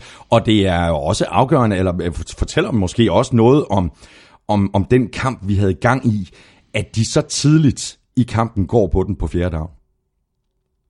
Ja, altså, øh, ja, jamen det gør det da. Altså, og, og det var vi ikke klar over før altså, senere i kampen. At, speederen i bunden? Ja, jamen, vi var ikke klar over før senere i kampen, at det var fordi, at der var jo ikke nogen af de her to forsvar, Nej. der kunne stoppe hinanden. Uh, så, så ja, det var meget aggressivt kaldt for Josh McDaniels. Mm. Så er det Eagles bold igen, op med 9-3. Øh, Foles blev presset ud i, i tredje downs igen. Han bevarede roen, øh, fandt Ertz for, for, for 19 yards og en ny første down. Og jeg kan ikke huske, om det var dig eller om det var mig, der sad og råbte og skreg, øh, lige da bolden blev snappet. Ertz!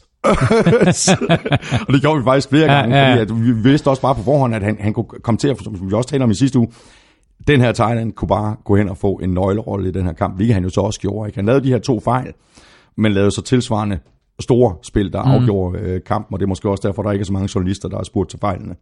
Ja, og altså igen, øh, jeg havde jo regnet med, at, at øh, Eagles ville, ville gøre alt for at tage Zach Ertz ud af kampen og sige, altså det var sikkerhedsventilen for, for Nick Foles, men altså, jeg synes, de tillod Zach Ertz alt for meget. Mm, altså, mm. Øh, han havde nogle virkelig, virkelig store catches, øh, både på tredje down og senere også på fjerde mm, down, mm. og selvfølgelig sit touchdown. Øh, så en stor kamp af ham, og, øh, og, og den her angrebsserie fortsætter jo også øh, med et stort play til ham. Ja, og øh, Foles gik efter Ashton Jeffrey et par gange. Først kastede han for højt, anden gang der fandt han ham på en, en smuk 22 yarder, og så kom det, det lange øh, TD-løb fra, fra LeGarrette Blunt, øh, og så var Eagles på, på 15-3. Øh, og så kommer vi lidt tilbage til det her missede ekstra point, fordi nu går de efter at score på en two-point conversion. Ja, og der sad vi begge to også og råbte, altså, hvad laver I? Ja, hvad laver I? Tag nu det, bare pointet. For. Det her det er anden quarter. Der kan ske så frygtelig, frygtelig meget i resten af kampen. Spark det ekstra point. Tag de point, der ligger der. Og jeg siger det endnu en gang. Okay, og jeg ved godt, at Doc Peterson vil rost ham for at være offensiv og, og aggressiv.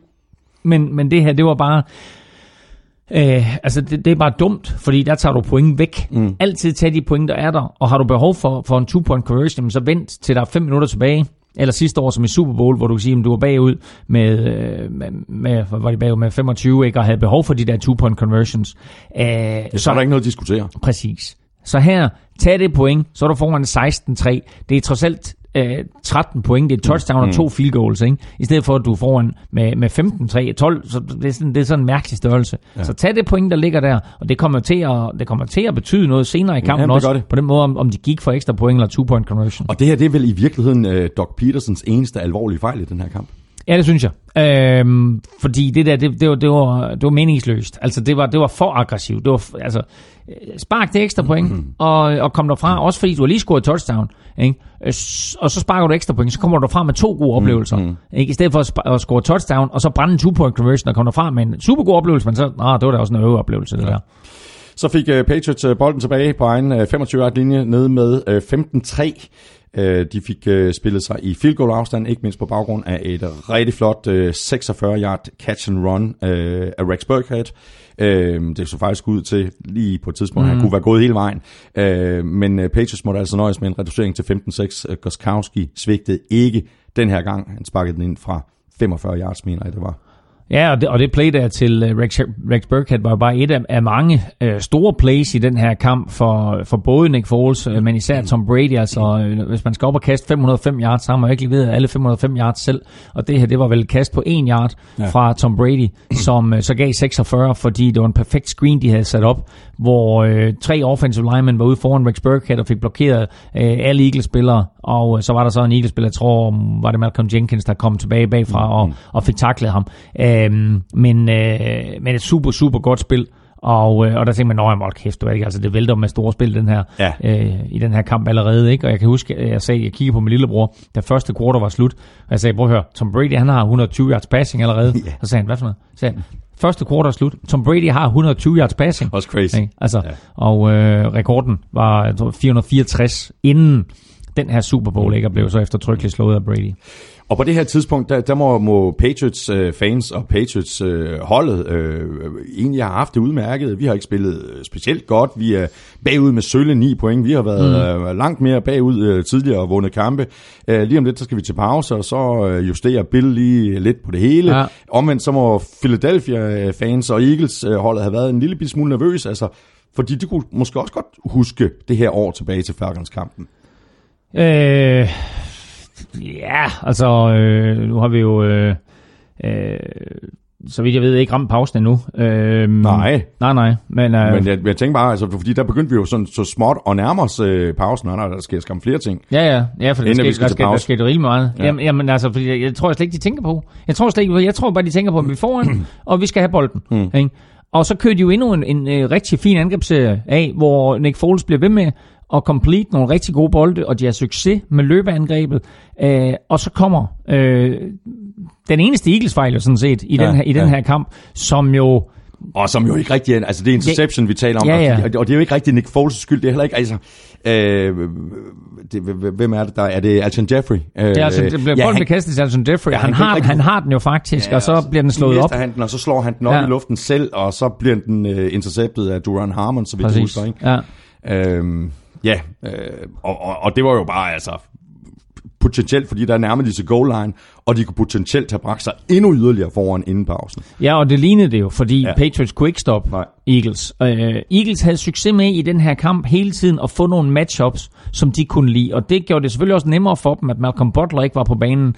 Uh, men jeg hørte også en analyse, hvor uh, det uh, blev efterfølgende sagt i omklædningsrummet, at de havde stjålet lidt fra, uh, fra nogle af de plays, som Carolina Panthers havde brugt mm. imod øh, Patriots tidligere i sæsonen, hvor Patriots har svært ved at justere overfor, når Carolina øh, stod i bunch-formationer, altså med mange receiver i samme side, øh, og måske startede formationen med, at det lignede bare to receiver i samme side, og så med, med en motion sendte de måske en running back ud, eller en anden receiver. Så det var hele tiden det Eagles, de forsøgte, og det var at forvirre Patriots opdækning, og så se, hvad for nogle matchups kan vi få. Og det er jo principielt det, uh, Patriots de altid gør. Ikke? Få en, en lille væv af running back på en langsom linebacker, ja. øh, eller få en, en tight end på en cornerback, eller hvad det måtte være. Og det var principielt fuldstændig det, som Eagles de gjorde i den her kamp. Igen og igen havde de succes med at få nogle matchups, de kunne lide, og så, har, så kræver det, at du har en quarterback, der kan levere, altså for det første se, hvad er den rigtige matchup, og derefter få leveret bolden korrekt ud i hænderne på den rigtige mand, og det var Nick Foles manden for i den her kamp. Ja. Ja. Og det eneste tidspunkt, hvor det går galt, det er jo ikke hans skyld. Den bliver ka- man kan sige, den kunne godt være kastet kastet lidt, lidt- længere, ja, en lidt, mere, to, ja. lidt mere ud mod sidelinjen, Ja. ja. så havde det været nemmere at catch for Alton Jeffrey. Men han har faktisk bolden, og så er det bare godt cornerback-spil, øh, at den bliver slået op, og, og så bliver den interceptet af Ron Harmon. Så i stedet for øh, potentielt at kunne bringe sig foran med, med, med 22-6 tæt på pausen, så, så fik øh, Patriots altså chancen for at reducere yderligere inden pausen, og de gjorde de. Øh, James White kom fri af flere takninger og løb et øh, imponerende 26-yard øh, touchdown ind. Øh, stillingen var nu 15-12 mm. til Eagles. Øh, Goskowski missede så ekstra pointet. Meget ulig øh, Goskowski. Ja, og den, og den var altså simpelthen bare savet forbi til venstre. Ja, Ja. Øh, virkelig, virkelig mærkeligt spark. Men han har haft problemer i år, Goskowski, med ekstra point. Så, så det der med at sige, at det ikke ligner ham, det er måske noget, som vi tænker tilbage på i, fortiden, det ikke ligner ham. Men han har faktisk ikke haft et vanvittigt godt år. Øh, han har brændt nogle, nogle ekstra point i løbet af sæsonen. Øh, så, så hans kvaler, de fortsat her. Øh, så et brændt field goal og et brændt ekstra point af Goskowski i, i første halvleg. Field goal kan han ikke lastes for, men det her, det lignede øh, på den måde, som snappet og holdet var, der lignede det klart Goskowskis fejl. Mm. Så et, øh, et brændt ekstra point her. Øh, og så kommer vi jo til det her drive, som ender I Philly Special. i Philly Special. Ja, og der vil jeg godt stille spørgsmålet øh, først, fordi hvis der er noget, som Bill Belichick og Patriots øh, altid har været gode til, mm. så er det at slutte øh, øh, anden kvartal af med at have bolden. Præcis, det havde de også. Ja, men ja. Ja. de efterlod lige lidt for meget tid på klokken, ikke? Jo, det gjorde det, og, men de fik så faktisk også bolden tilbage igen, jo, Ja, ja, fordi ja. Du, kan, du kan også sige, at øh, det, her, det her drive, som ender i Philly Special, det kommer jo kun, fordi Corey Clement har et øh, kæmpe spil på øh, en tredje down og fire eller sådan noget lignende, hvor, Ja, han får 55 yards på hvor, spillet. hvor de kører en out and up, Ja, ja. og øh, Patriots igen har en dårlig matchup, en, øh, jeg tror det er en safety, øh, ret ukendt safety, som er på Corey Clement, bliver snydt i den her øh, out and up. Corey Clement griber, griber bolden, og så misser han taklingen. Mm. Og da han misser taklingen, så er den her undrafted rookie Corey Clement, så er han altså i fuld firespring, ned igennem midten, stiff armor, er det Duron Harmon eller en af de andre safeties, ikke? og bliver taklet ned på omkring 5 linjen mm. Så et kæmpe spil af Corey Clement her, som, øh, som selvfølgelig gjorde, at, at Eagles lynhurtigt kom ned i scoringsafstand. Og før øh, vi så får Philly Special, jamen, så begynder der virkelig at blive kæmpet om, om tiden på klokken, fordi Patriots kalder flere timeouts. Mm. Men det er jo præcis det, du siger, ikke? De vil gerne have bolden til sidst Ja, i præcis. første halvleg. Så de går faktisk efter at få bolden til sidst i første halvleg. Så da de står dernede på 5 linjen så er det ikke Eagles længere, der kalder timeout. Så er det Patriots, der bruger deres timeouts. Fordi de ved godt, jamen altså, Eagles kommer herfra med minimum 3 point. Lad os prøve at se, om vi kan begrænse det til 3 point. Mm. Uh, og, uh, og derfor så kalder vi timeout, så vi, så vi giver Tom Brady bolden tilbage og, og går efter at score point. Og du og jeg sad også og kiggede på hinanden. Nu kommer vi lige tilbage til Philly Special lige om lidt. Men da Patriots de får bolden tilbage, der er der, jeg mener, 40 sekunder. Øh, og de har en timeout tilbage, mm. hvor vi så kig, kigger tilbage på AFC-finalen og bare tænkte, og vi kigger på den, og vi sagde, prøv at høre, i sidste uge, eller forrige uge, der havde Jaguars altså 55 sekunder Ja. og to timeouts. Ja. Men de turde ikke tage chancen, de turde ikke holde speederen i bund og trykke igennem, og så sige, vi skal lige nå at have nogle sidste point inden pausen. Det kunne faktisk måske have været afgørende Ja. for, at de Ja. ikke sad derhjemme ja. og så kampen i, i, i fjernsynet, men i stedet for var øh, i Minnesota. Øhm, men tilbage til det her, fordi jeg synes faktisk også her begår Eagles en, en øh, lille brøler i, min, i mine øjne, fordi øh, de er helt nede omkring mållinjen. Patriots har haft virkelig svært ved at stoppe LeGarrette Blunt. Corey Clement bringer bolden helt ned. Han løber en gang mere og bringer bolden ned på hvad? På to, To, to, to linjen. Ja, det er anden down, det er anden down og goal fra Patriots to yard linje. Ja, hvorfor sætter du ikke LeGarrette Blunt ind der og bare hammer bolden op igennem midten? Ja. Øh, Og det var der Patriots kaldte deres første timeout. præcis. Øhm, Og så, og, og så mener jeg, at- Clement fik bolden igen. Han fik en enkelt yards ja, timeout. Igen ja, og så, Patriots. og så, Så gik han efter Alton Jeffrey på tredje down. så kaster han incomplete ud i Ja, hjørnet til Alton ja, Jeffrey, ja. hvor Stefan Gilmore er på opdækningen. Og nu var der et spørgsmål tidligere om det sådan, at, at, øh, at Patriots, om øh, dommerne kaster for få flag mod dem. Den her kunne godt have været dømt som pass interference. Mm. Men altså, øh, den ender incomplete, og man er lige ved at sige heldigvis, fordi det gav os så Philly Philly Special. Special. Ja, Fordi så kalder Philly timeout.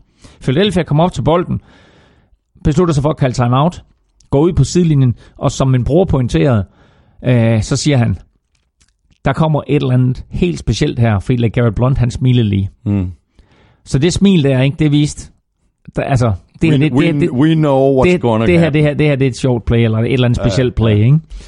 Men øh, altså, øh, stadigvæk fra, fra, fra, fra Doc Petersens øh, side, speederen i bund.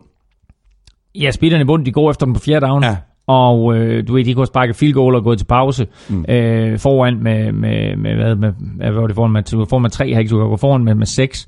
Øh, men han siger nej, når vi er hernede, så skal vi ikke komme herfra uden et Nej. touchdown. Og øh, havde de misset den, så havde, jeg, så havde jeg sparket og råbt og kaldt Doc Peterson for en skovl, fordi Ja, igen, tag nu pointene. tag, tag de point, der ligger Ja, foran dig. Ikke? Øh, men nu lykkes det, og så taler alle om det her geniale kald. Ja. Corey Clemens tog imod snappet. Foles står og spiller komedie. Mm. Han pitcher den til uh, Trey Burton, som så kastede den til Foles, som i modsætning til Tom Brady lykkes med at gribe bolden. Han var fuldstændig, han var fuldstændig fri. Og det her, det var, øh, det var det første kast, som Foles har grebet, siden øh, han gik i college og øh, spillede for Arizona Wildcats. Det var helt tilbage i 2009. Mm. Øh, han, der greb han også en bold og tabte 9 yards. Her der greb han bold og scorede 6 point I Super Bowl. i Super Bowl. Jamen altså, øh, 22-12 står der ved pausen. Jeg ved ikke, om du har flere ting, som du øh, noterer dig i forhold til, til, til, til første halvleg.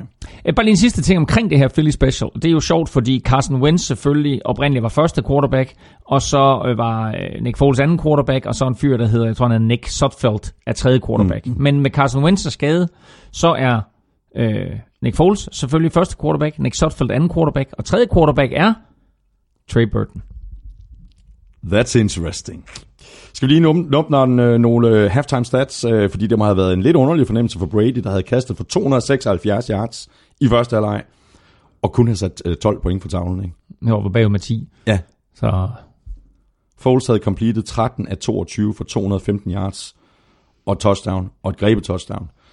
Øhm, ja, men det er en fuldstændig vanvittig øh, første halvleg. Og så er vi så fremme ved, ved, ved pausen med Justin Timberlake og hans øh, hyldest til, til, til Prince, øh, og en lille reference i, i showet til showet mm. tilbage i øh, 2004, hvor han optrådte sammen med Janet Jackson. Det var faktisk meget sjovt. der var en reference til øh, hans egen optræden med Ja. ja. Janet Jackson jo, hvor øh, den her, øh, han, han, han sluttede, eller han startede showet jo nærmest med den sang, som han sluttede sammen med Janet Jackson på, og Præcis. den sang slutter med, I'll have you naked by the end of this song. Og da de kommer til det punkt i sangen, så siger han, ah, og stopper, og kigger i kameraet og siger, ah, nej, nej, nej. Nej, nej, nej, det sker ikke i hans. Så en reference til det, og så en reference også til Princes halftime show, den sidste Super Bowl, Jimmy og, og jeg kommenterede, øh, Super Bowl 41, hvor, i hvor 2007. Præcis, hvor Prince spillede i øh, styrtende regnvejr i Miami. Mm. Øh, og jo øh, helt klassisk, fantastisk timing, sidder og synger Purple Rain.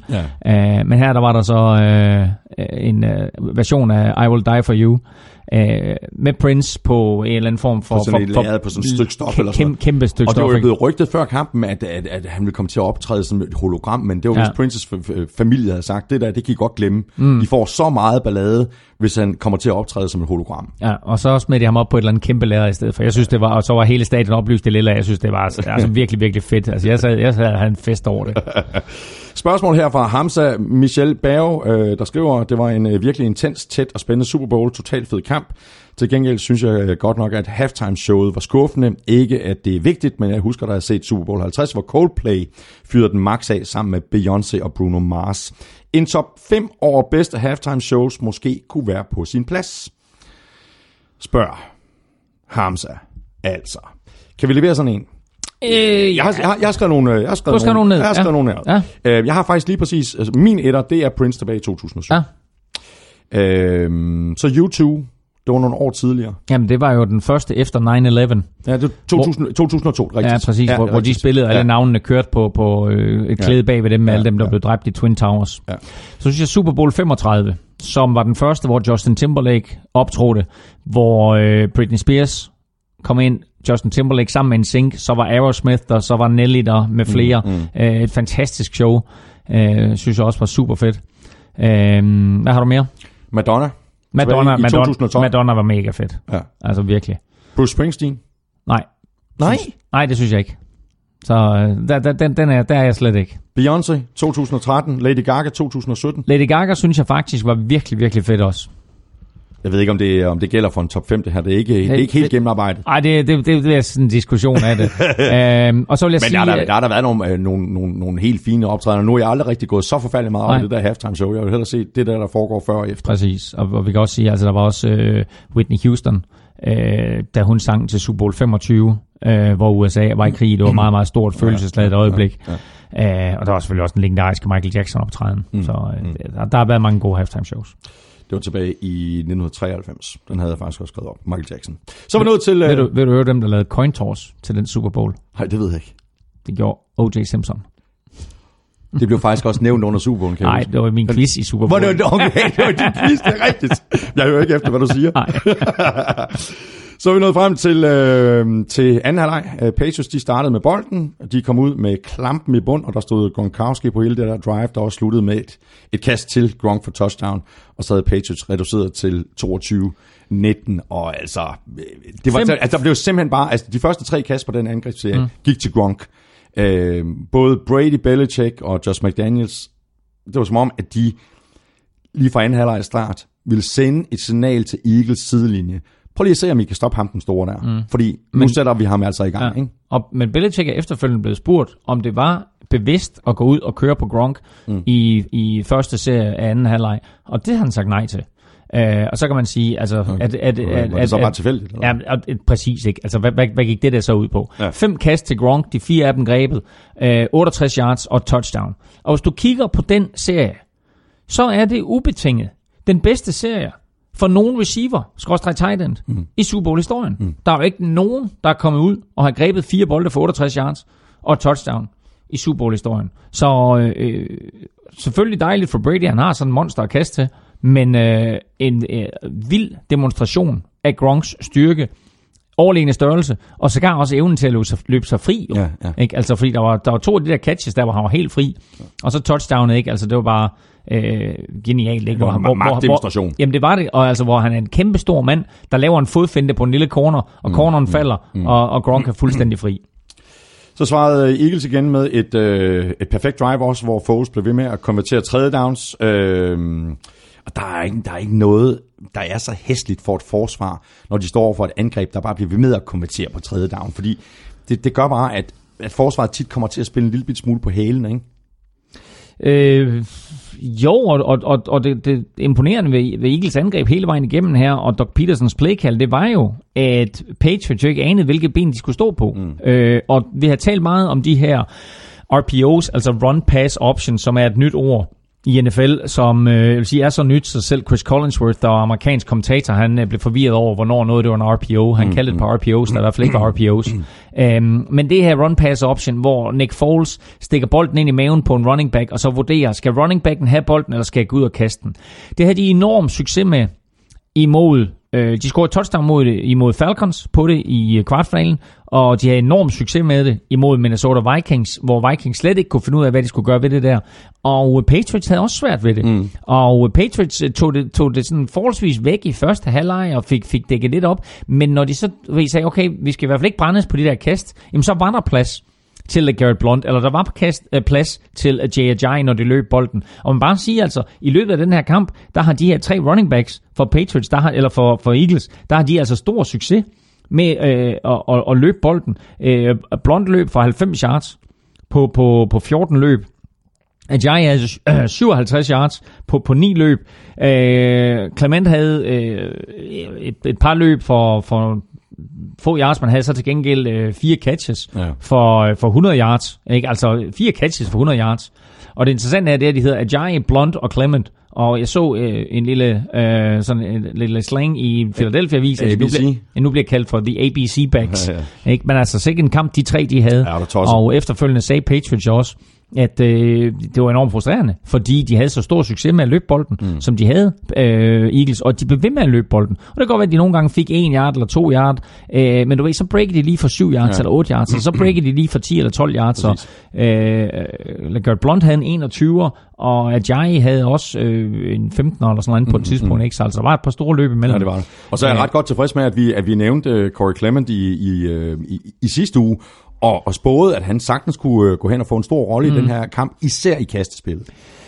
Ja, det gjorde han jo, fordi han havde en, øh, han havde en screen i, i første, på allerførste drive faktisk, som var rigtig flot, og så var det også ham, der bragte den her, som vi talte om øh, i, i første halvleg, bragte den her med det her 55 yard play, øh, mm. bolden ned på, på øh, Patriots 5 yard linje.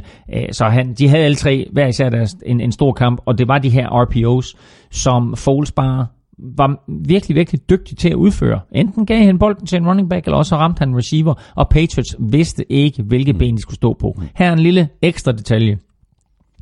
Andy Reid, head coach for Philadelphia Eagles, ja, tidligere head coach for Philadelphia Eagles, nu head coach for Kansas City Chiefs, som havde Nick Foles inden mm. sidste år, mm. og som også kender Doc Peterson fra tidligere, har sagt, at college taktik er cirka 5 år foran NFL. Det lyder mærkeligt, men sådan er det. Der er mange af de ting, vi ser i NFL lige nu. Det er nogle ting, som er øh, kommet fra college.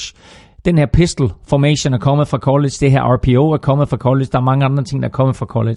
Og når du ser college-kampe, så bliver der scoret et hav point, og forsvar har meget, meget svært ved at stoppe modstandernes angreb. Og Andy Reid var ude at sige, der er en offensiv øh, evolution i gang i college, som vi kommer til at se i NFL i løbet af de næste 4-5 år. Så det vi så her i Super Bowl med to hold, der var så effektive på angrebet og havde utrolig svært ved at stoppe hinanden på forsvaret, bygget op omkring Brady, lidt mere konventionelt, mm. Nick Foles omkring det her RPOs, det kan være noget, vi kommer til at se i NFL. Det bliver meget, meget vanskeligt at spille forsvar øh, i NFL fremover. Ja. Og så har vi, øh, lad os bare hoppe tilbage til, til den her angrebsserie, hvor, hvor Foles altså blev ved med at kommentere på tredje down, og det slutter sig af med, øh, han, han, han dropper tilbage på en, på en tredje down. Alle troede, han ville kaste kort, øh, men så i stedet skal give han dybt til, til, til Corey Clement i, i endzone og touchdown, og så er de altså foran med 29-19. Og det var den her, altså igen, det her kast ned i bagenden af endzone, det er, vil jeg faktisk våge påstå, Nick Foles' bedste kast i hele kampen. Mm. For den er leveret på det mest perfekte sted. Der er to Øh, Øh, forsvarsspiller omkring Corey Clement, og han får grebet bolden, øh, og den bliver set igennem efterfølgende og får lov til at stå meget, meget afgørende spil. Super play af Nick Foles, super play af Corey Clement, og øh, selvfølgelig syv point på tavlen. Og altså, øh, stillingen er 29-19 på nuværende tidspunkt til Eagles, så turen så kommet til Brady Company. Det gik stærkt en øh, kombination af løb fra Dion Lewis og kast fra Brady til øh, Amendola og Chris Hogan. 75 yards på kun syv spillere. Det hele det endte så med et, øh, et 26 yard touchdown til Chris Hogan. Øh, og med ekstra pointet, så var Eagles føringen så igen på kun 3 point, 29 26. Mm. Jeg, som jeg har skrevet i mine noter, damn, det gik stærkt, og det var effektivt og fuldstændig klinisk på mm. Brady's side. Mm. Øh, men det var godt at skidt, at det gik så stærkt, fordi det gik så stærkt hele tiden, at de gav bolden tilbage til mm. Eagles angreber Nick Foles, og de har nærmest ikke fået tid til at sidde på sidelinjen, så de var stadigvæk en form for rytme. Og på den måde, som de kørte med Nick Foles, der udførte alt, hvad der blev kaldt, og Doc Peterson, der blev ved med at være aggressiv, øh, og Patriots forsvar, som jo nærmest heller ikke havde nået at få pusten, og lige var blevet kørt midt over, så skulle de tilbage ind på banen igen. Og øh, Matt Patricia og, og Bill Belichick havde nok at gøre med at få selvtilliden op i de her drenge her, og sige, prøv at høre, I, I kan godt stoppe dem. Ikke? Ja, altså, nu ja. kalder vi nogle spil, og så videre, og så videre. Ikke? Men der var, altså, øh, der var ingenting, der nåede ind til Nick Foles, og øh, når Patriots ligesom havde, havde dækket receiveren op, så greb de stadigvæk bolden, ja. og Nick Foles leverede nogle guldballer hister her. Ja, ja. Øh, de, de står jo faktisk på det, på det efterfølgende angreb, øh, Eagles, i red zone, øh, mener faktisk, at, det, at de taber øh, 8 yards på et, et, et, et, et, et kast til Aguilar. Øh, ja, det var det første spil, og det var det første spil i fjerde kvartal, så vidt, mm. så vidt jeg husker. Og det ender så med, at, øh, at de må nøjes med et, et field goal for Jake Elliott. Han sparker, sparker ind for 42 yards. Altså fordi de bevæger sig ned ja. af banen fuldstændig ja. uden problemer, ja. når ind i red zone, og så er det faktisk for en gang skyld, at så står de rent mm. faktisk. Og så mister de de der øh, yards, Ja. Og så bliver det jo lige øh, lidt længere for Jake Elliott. Jeg kan da huske, vi kigger der på hinanden. Ja, ja. ja, ja. Øh, det er altså en rookie-kicker, det her. Det er altså Super Bowl. Jeg se, om han kan holde nerverne i ro. Det kunne han den sad op lige i midten. Ja, ikke? ja, ja, han har brændt en ekstra, et ekstra point fra, ja. fra 33 væk, ja. og det her det er trods alt et 42 field goal. Og øh, den banker han ind, øh, og så, så er Eagles øh, foran med 6. Patriots de startede deres øh, næste angreb på 25-yard-linjen efter et øh, touchback. Øh, Burkhead øh, løb bolden tre gange i træk for at samle 18 yards, og så fandt øh, Brady ellers øh, Chris Hogan og ikke mindst øh, Danny Amendola på, på, på tredje down for en ny første down, og så arbejdede Patriots ellers ned ad banen, og på anden down og goal fra Eagles 4-yard-linje, der fandt Brady øh, Gronkowski i en zone for touchdown, mm. og, og med øh, øh, også bare fuldstændig overlegen angrebsserie, Og så med ekstra point, der var Patriots så foran for første gang i kampen 33-32 med mindre end 10 minutter mm. tilbage på klokken. Og det der var med den her angrebsserie, og flere andre af Patriots angrebsserier, det var jo igen, at den defensive linje nåede ikke ind til Brady. Nej. De fik ikke engang lagt pres på ham. Og fik de lagt pres på ham, jamen så var Brady super dygtig til lige at træde rundt i lommen og øh, bevare fokus ned ad banen. Øh, og det var øh, Eagles linebackers og Eagles defensive backs, det, var de, det har de ikke været vant til i løbet af sæsonen, Nej. at en quarterback har så lang tid. Så der var altså nogle af de her Patriots receiver, de løb så fuldstændig vanvittigt fri Altså, du ved, man tænkte, hvorfor er der ikke nogen nærheden af ham? Men det ja. var fordi Eagles forsvarsbacks, eller defensive backs, øh, de tænkte, altså, han må da snart være taklet eller, eller andet. Og ja. så er der en eller anden, du ved, som laver, måske laver en dyb krydsningsrute, eller en out and up, eller ja, et eller andet, ja, ja. Øh, og så stod fuldstændig fri. Og det var, det var tilfældet på det her catch af Amendola på tredje down, øh, og så kommer de ned i nærheden af, af endzone, og så leverer Brady en bold i bagenden af endzone til Gronkowski, hvor han viser, sin enorme atletiske evner også. Mm. Fordi det der catch, han laver, er ikke nemt. Men øh, han strækker sig og strækker armene ud og hiver bolden ind mm. øh, og bringer Patriots foran. For første gang i kampen. Og på det her tidspunkt, altså med omkring 10 minutter tilbage af kampen, der var Brady op på 457 yards passing og tre touchdowns mod en af de bedste secondaries i NFL. Jamen det er også det er helt, vanvittigt. Helt, helt crazy, ikke? Ja. Og nu må jeg virkelig tale om, at, at, at der var pres på, på Eagles og, og Foles og på, på Doc Peterson. Øh, og presset det blev så endnu større undervejs på det her drive, hvor, hvor Doc Peterson så endnu en gang valgte at gå på den på fjerde down. Øh, han holdt stadigvæk gaspedalen nede. Han gik efter sejren, i stedet for at være bange for at, mm. at tabe. Øh, Men jeg tror, jeg tror han, han føler der, at hvis de er på fjerde down og en, ponder bolden, ja. så ser de den ikke igen. Nej. De er bagud med et point, og den konservative metode og den konservative tilgang til det her vil være at sige, fint nok, nu ponder vi bolden, så mm, stopper mm, vi Patriots, for mm. bolden igen, og så kan vi vinde kampen. Men der var ikke nogen, der kunne stoppe hende i den her kamp præcis. her. Så han siger, nu går vi efter ja. Og det her, det er fra egen banehalvdel. Det er fra egen 45-linje, og de vælger at sige, nu går vi efter Det var virkelig all in. Så det er bare all in det der. Mm. Nu siger de, hvis vi ikke får den her, så taber vi Super Bowl, men ja. så har vi i hvert fald spillet. Ja, så har vi prøvet. På, så har vi prøvet, og vi har spillet på den måde, som vi ønskede at gøre mm. det på. Øh, og vi, øh, vi holdt fast i vores aggressive mm. tilgang mm. til det her. Mm. Og det var virkelig et drive, der tog, der tog meget tid af klokken, og, og Pages var jo så nødt til at begynde at bruge timeouts for at være sikker på, at have nok tid at arbejde med. Mm hvis Eagles enten fik øh, scoret et field goal, eller, eller fik scoret et, et touchdown, og så de skulle have noget tid at arbejde med, når de fik øh, bolden tilbage. Ja, fordi øh, altså, øh, den her angrebsserie tager øh, syv minutter, ja.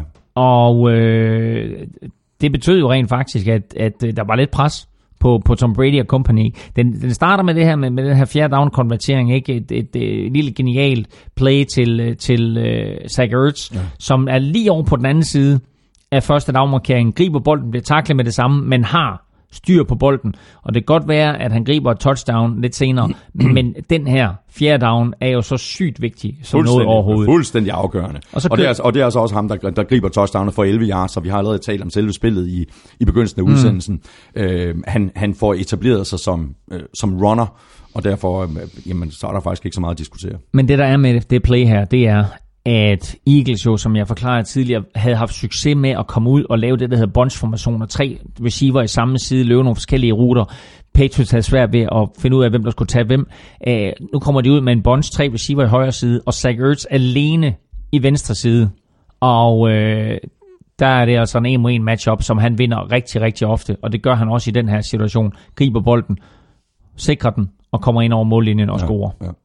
Og nu førte Eagles så med 38-33, øh, og her gik de så efter en two-point conversion, der mislykkedes. Men her giver det jo her giver det jo fuldstændig mening at gå efter to point. Ja, for der er ikke, altså, om du får en med fem eller seks, det er fuldstændig meget. Det er fuldstændig meget. Du kan ikke, uh, Patriots kan ikke uh, udligne eller komme foran mm. med et field goal, og uh, sparker eller scorer de et, et, et touchdown, uh, så er de foran med ekstra point, som man trods alt må forvente bliver lavet. Mm. Ikke? Uh, men altså, uh, man kan sige, bliver det ikke lavet, du ved, så kan man godt det også, hvor man ikke selv sparker et ekstra point. Men her der vil du altid gå efter at komme foran med syv. Så selvfølgelig, når du får med fem, så kører du efter en two-point conversion. Uh, den blev brændt. Det er jo den første Super Bowl med fire brændte ekstra point forsøg, altså to brændte mm, ekstra point mm. og to brændte two-point conversions. Uh, så det var også endnu en af de her rekorder. Men her må vi vel bare uh, på det her tidspunkt, hvor, hvor Eagles altså har ført hele kampen, de kommer bagud for første gang, så kæmper de sig tilbage, de konverterer en fjerde down undervejs. Altså, der kan vi virkelig tale coronas og styrke, altså mental styrke og komme igen i en Super Bowl, i særdeleshed imod Tom Brady og Patriots. du er kommet bagud, og du stiller til kamp med din backup quarterback, og alligevel så kommer du tilbage. Det var Altså det var et kongedrive det her, ja. og den der fjerde ja. down, og så selvfølgelig præcisionen af Nick Foles' kast til uh, Zach Ertz, der, der giver touchdown. Det her, det var bare så vigtigt drive. Der mm. var så mange vigtige ting i den her kamp, og, og så mange interessante aspekter i det, men det her, det var bare et, et drive, ikke, hvor du ligesom siger, jamen nu er the dark side, nu er de kommet foran, mm, ikke? Mm. men nu, nu skal vi gå ud og bevise, at selvom vi er bagud, og selvom ja. det nu er os, der er pres på, fordi det var egentlig Patriots, der har været pres på hele kampen. Selvom det nu er os, der er pres på, så skal vi ud og bevise, mm. at vi hører til her, og vi stadigvæk tror på, at vi kan vinde den her kamp, og gøre det på vores måde. Og det gjorde de, og det var ganske imponerende. Og så var det så uh, Brady's uh, tur til at gøre det igen. Igen uh, havde man i hvert fald en fornemmelse af, fordi ned med 5 point, 2-21 tilbage på klokken, masser af tid. Men så kom det store defensive spil Brandon Graham fik slået bolden fri, og den blev så samlet op af Derek Barnett. Mm. Og det er så også det spil, som du, øh, du talte om øh, indledningsvis, som kommer op på siden af Philly Special, fordi det her spil, det var jo i, altså, rigtig meget med til at afgøre den her kamp. Et, fordi det gav bolden tilbage til Eagles. To, fordi det gav Eagles mulighed for at, at tage tid af klokken. Mm. Og tre, fordi det jo rent faktisk udmyndte sig i tre point for Eagles, ja. og dermed en 8 points føring, mm. hvilket betød, at var Patriots kommet ned og havde scoret touchdown, så skulle de altså også lige score en 2-point conversion ja. for at få den her kamp i overtime. Ja. Og det forsøgte de så, øh, men det, det løb ud sådan, at de havde ikke, jeg kan ikke huske, hvor mange, hvor mange sekunder de havde at, at, at gøre godt med, da, da Patriots så får bolden igen. Øh, de, havde, de har ikke meget tid at arbejde med. Øh, 1-0-5. Oh, ja, 1-0-5, men, 1-0-5 men, men, men, de havde, men de havde ikke flere timeouts tilbage.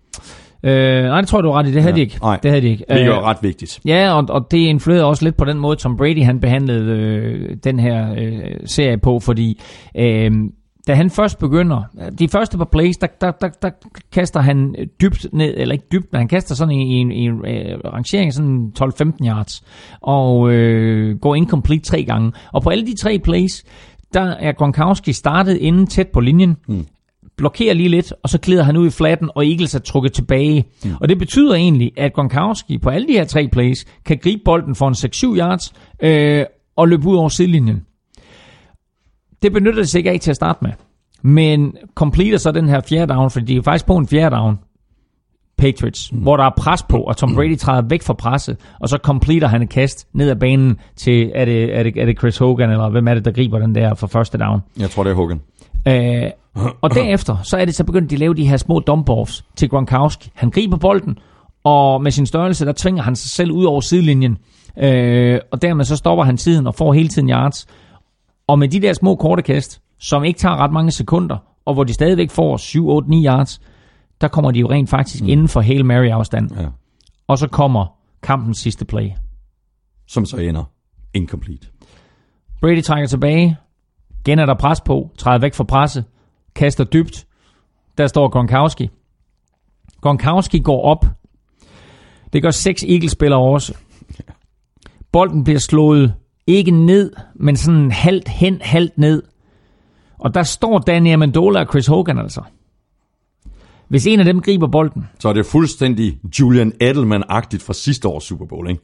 Griber bolden, så kan de løbe ind i endzone og score.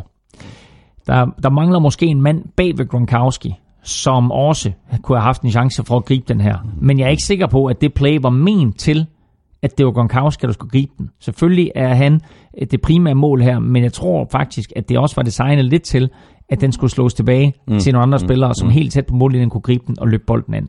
Det lykkedes ikke, og dermed så er forvirringen total, fordi det et play, der starter med 9 sekunder igen. Men alle 9 sekunder går. Mm. Og dermed, That's it. så var både Al Michaels, den amerikanske kommentator, Mary Reese, som kommenterer for Philadelphia Eagles radiostation, mm. og sågar Philadelphia Eagles spillere og lidt trænere, de er sådan lidt, Jamen, er, er, altid, er, altid gået? Al, altid er gået? Altid er gået? Ja, vi har vundet! Så det var sådan lidt et mærkeligt spil, ikke? Fordi ja. normalt med 9 ja. sekunder igen, så, så når du to spil, men det ja. gjorde Patriots faktisk ikke her. Hvordan skal vi opsummere den her Super Bowl, Claus? Vanvittigt underholdende. Vanvittigt van, van, underholdende. Offensivt fire, ja, øh, altså fyrværkeri. Ja. Øh, det, var, det var sjovt at se. Og det var, det var sjovt at se hele vejen igennem, og der mm. var så meget intensitet. Og øh, selvfølgelig er der et hav af Patriots-fans derude, som er kede af det. Det er klart. Øh, men altså, øh, nu, nu kan man sige, at øh, Patriots har spillet 10 Super Bowls Ikke? De har spillet 10 Super Bowls, den flere end nogen anden. De har vundet de fem, de har tabt de fem, og med fem tabte Super Bowls, så er de nu oppe på siden af Denver Broncos med flest tabte Super Bowls Ja. nogensinde. Ja. Og Tom Brady har rekorden alene for, for, for tabte Super Bowls med tre, ikke? Som quarterback. Det tror jeg faktisk, han har. Ah, det må John Elway også have. Han har også tabt tre. Ja. Han tabte de første tre, og så vandt han ja, to. det er rigtigt. Ja, det er rigtigt. Ja. Nå, men en fin del rekord så. Men der er masser af andre rekorder, som Brady har. Antal spillede Ja. ja. Super Bowls, antal sejre, antal MVP-titler, kaste yards, etc. Etc. Ja, men det er jo godt for, for Philadelphia Eagles og for deres fans, og ja, du har selvfølgelig også set alle de her øh, videoer, der er, der er på nettet alle mulige steder. Jeg tror også, at jeg har nogen liggende på gulklud.dk, øh, om hvordan de her Eagles fans, de går fuldstændig bananas. Ja, ja, og vi har lige faktisk... Øh, nej, jeg tror, den kommer op her klokken... Gå ind, øh, gå ind og tjek Google Clues Facebook-side klokken 16, fordi øh, der kommer der altså en ret sjov video op med øh, et skilt, der ændrer navn i Philadelphia. Ja, det er rigtigt. Der har jeg Har du- set. ja, jeg har set det. skal, vi sige, skal vi snakke om det nu, eller hvad? Nej, jeg tror, det er en, det er en lille teaser. Er det en er det ikke? lille Er det en teaser? lille, lille teaser. ja, det, det er meget godt. Nå, men Claus, vi skal lige have opsummeret på vores uh, picks. Um, The Statman, uh, Lukas Williamsen, han skriver, det lykkedes langt om længe. Thomas har ramme udfaldet af en Super Bowl, og han endte dermed med at ramme syv rigtige kampe i slutspillet for tredje år i træk. En stabilitet, der vel kun overgås af Cleveland Browns. Tak for den sammenligning, Lukas. Inden sæsonen, der var den dårligste sæson i picks. Øh, grundspil og slutspil på 151 rigtige. Claus nåede lige at undgå en trist bundrekord, da han nåede op på 155 rigtige i år. Den højeste score i picks hidtil var på 165 rigtige, sat af Claus sidste sæson. Den rekord er dog blevet blæst af banen i år af Thomas med hele 179 rigtige. Det har været afgjort længe, men nu ligger det fast. Thomas vinder sæson med 179-155. Der er dog håb for Claus til næste sæson, for succesen bag Thomas' stærke præstationer i Pix er muligvis fundet. Og så ved jeg faktisk ikke, om jeg skal læse de næste seks linjer, for det, det er helt afgørende det her. Kom med det. Når I hver især har en hjemmesejr i PIX over de seneste tre sæsoner, der rammer I rigtigt henholdsvis 66% og 65% af gangene. Når I går med en udesejr, ser det værd ud. Her rammer Thomas rigtigt 59% af gangene, mens Claus blot rammer rigtigt 53% af gangene. Der er ikke øh, de store forskelle i jeres indbyrdes hit rates, men der er til gengæld, det er der til gengæld på, hvor ofte I går med hjemmeholdet, som tydeligvis går bedre end PIX på udesejre. Thomas vælger i gennemsnit over de seneste tre sæsoner hjemmeholdet 62% af tiden, mens Claus kun vælger en hjemmesejr 51% af tiden. Opskriften er således klar for Claus til 2018-sæsonen. Flere hjemmesejre. Om det er ikke engang løgn. Nej, det altså, er faktisk ikke engang løgn. nej. Og også, jeg har, øh, masser af gange har jeg sagt, når vi har de der tvivls, så siger du, jeg går med dem der på grund af hjemmebane. Præcis. Det var faktisk ikke engang det, jeg ville have sat i gang, men det er fuldstændig ligegyldigt. Nu skal vi have fundet en øh, heldig vinder i øh, ugens øh, spillerkonkurrence. Øh, de nominerede fra Super Bowl var øh, Nick Foles, Zach og Brandon Graham. Og der, og der er vi nok nødt til at pointere, Ja, at det var- vi, har- vi det har en var- lille regel, der hedder, at øh, Man skal vinde. Man skal vinde for at komme i betragtning, for ellers havde Tom Brady naturligvis været nomineret. Det siger sig selv. Graham fik øh, 3% af stemmerne, Ertz fik øh, 6%, og Foles fik hele 91 og det er, den ny, det er den nye rekord. Ja, det kunne faktisk også godt være en, en, en rekord. Men det vil sige, at over, over 9 ud af 10 i den her pose her er Foles. Jeg har Yes. trukket allerede en seddel, for jeg er... Du er? Den manglede du! Lykkes Gud inde!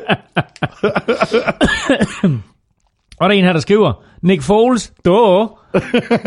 og det er Kasper Mortensen fra Randers. For Randers. Jeps. Jamen, stort tillykke til dig, Kasper Mortensen fra Randers. Øh, Jeg sender dit uh, navn videre til MVP Christina på tafel. Og så sørger hun så for at få sendt en kasse med otte poser taffelchips øh, plus det løse afsted til dig. Og hvis du også godt kunne tænke dig at vinde sådan en kasse med taffelchips, så skulle du tage følge os på Twitter. Det er nemlig der, vi offentliggør de nominerede, og så stemmer du på øh, ham, som du synes skal vinde, på mail nflshowet.dk ved at skrive dit bud i emnelinjen, og i selve mailen, der skriver du dit navn og adresse. Så skal vi have fat i øh, den her.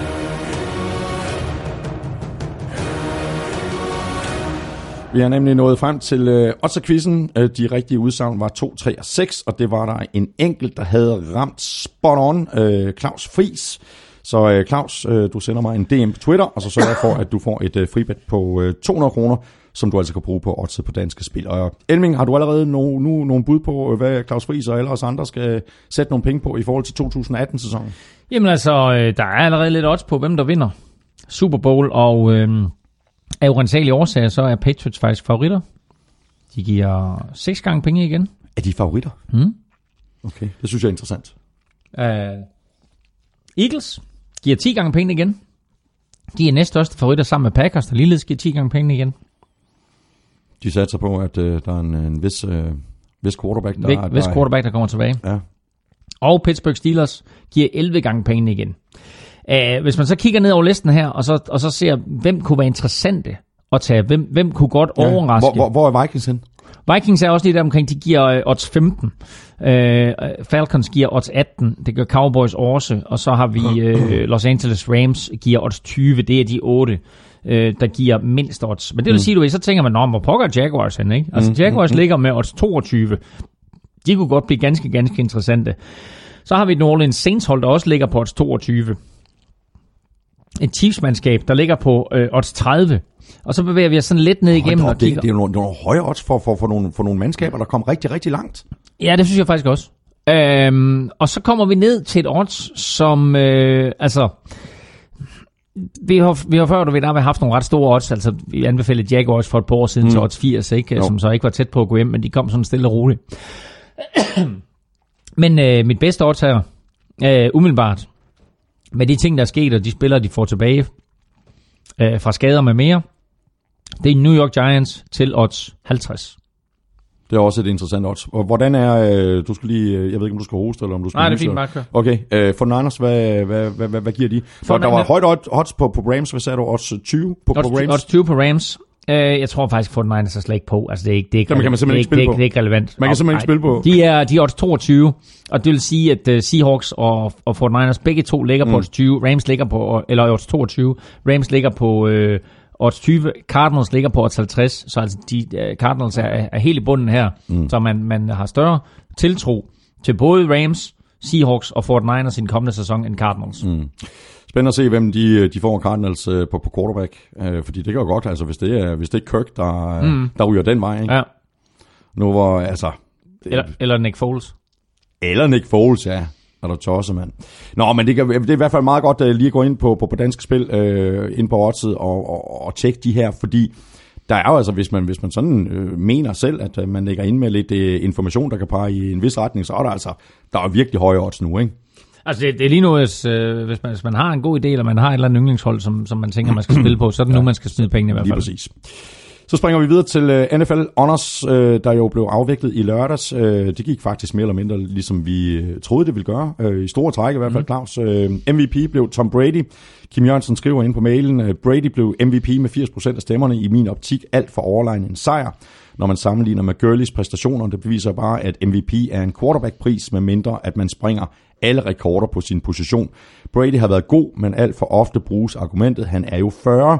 Ja, men Breeze er 39, har også været latterlig god, så han skulle vel også med i ligningen. Hvad er jeres tanker? Jo, men jeg synes jo også, altså jeg synes jo, det, det stod jo nok mellem Brady, Breeze og Gurley, mm. og øh, jeg synes også, Breeze har været rigtig, rigtig god, og det er måske gået en lille bitte smule under radaren, men jeg synes faktisk, han har været rigtig, rigtig god i år, Drew Breeze. Han kunne godt have fået den MVP-titel, men altså med Carson Wentz ude og med Aaron Rodgers ude, der var der ikke nogen tvivl om, at den bedste spiller øh, i ligaen, det var Tom Brady. Så har vi Offensive Player of the Year, øh, blev så øh, Todd Gurley. Øh, jeg kan ikke huske, havde du Todd Gurley? Så Jeg mener, Nej, jeg, tog- jeg tog Antonio Brown. Ja, det gjorde jeg nemlig også. Ja. øh, med, med Todd Gurley, Gurley som, som runner-up. Men det blev altså Todd Gurley Defensive Player of the Year, hvor vi er fuldstændig enige om, at det skulle være Aaron Donald, ja. og det blev det også. Offensive Rookie of the Year, der sagde vi begge to øh, Kareem Hunt. Ja. Men vi vidste godt øh, lidt måske, hvilken vej øh, vinden blæste, og det mm. havnede der, hvor de fleste troede, at det ville havne, nemlig ved Alvin Kamara. Defensive Rookie of the Year, vi sagde begge to Marshall Lattimore, det blev det. Uh, Comeback Player of the Year, Keenan Allen, blev det. Det var også mit bud. Var det også dit bud? Tror Ja, jeg faktisk, præcis. det var. Ja. præcis. Uh, Coach of the Year, uh, det endte med Sean McVay. Jeg synes, Doc Peterson skulle have haft den her, hvis, Ja. hvis han havde haft hele sæsonen med. Ja. Men, uh, Alle de, alle de her awards, de slutter jo principielt efter spil uge 17, Ja. så der er ingen præstationer i slutspillet, der tæller med. Ja. Og uh, havde de talt med, så vil jeg sige, så var Doc Peterson nok ja. uh, kommet lidt længere frem på listen. Han ja. fik, så vidt jeg husker, én stemme ja. uh, ud af de 48, der blev afgivet. alt, alt for lidt. Også, for lidt. også hvis man bare. Ja. ser på, på regular season, altså. Yep, jamen, øh, det var det. Så hopper vi videre øh, til øh, Hall of Fame, øh, og vi havde jo, som vi også har været inde på, Claus, øh, fornøjelsen af Morten Andersen i, i guldjakke og det hele i, i søndags i, øh, i, i cirkusbygden. Jeg kunne godt lide det her med, at da han gik op, til, op på scenen, så var han i, i mørkt jakkesæt, og så spurgte han, om det så ikke, om det ikke var lidt for formelt, og om det ikke øh, var nu, at han så ligesom skulle, skulle være sådan lidt mere afslappet, og så skiftede han så jakken og Ja. tog på den her øh, guldjakke på. Jeg synes, det var sjovt. Det vidste jeg faktisk ikke i forvejen, at der syede et nummer ind i, øh, på, på, i, i indersiden. Ja. Ja. står det på, på, på, på, på, altså Ja. ja. på lommen på indersiden med et nummer. Det er så det nummer, som spilleren, der er kommet i Hall of Fame, har Præcis. på vej ind i Hall of Fame. Morten Andersen har nummer 304, mm. så på øh, indersiden af jakken der, der står der Hall of Fame member 304, Morten Andersen. Så det, er meget sejt at have sådan en jakke. Ja, det, det, Ja. ja. det, det, det kunne man også godt fornemme, at øh, Morten Andersen også selv synes, at Ja, det ja, var. præcis. Ja, det var fedt. Uh, de nye navne i Hall of Fame er uh, Terrell Owens, wide receiver, Randy Moss, wide receiver. Det er jo ikke så tit, at der kommer to spillere ind på den samme position, men i år, der var der faktisk to gange to, fordi der var jo også to linebackers, Ray Lewis og Brian Urlacher. Ja. Og så den sidste var så Brian Dawkins, der var safety. Ja. Um, og jeg er helt enig i uh, Ray Lewis, Randy Moss og Terrell Owens.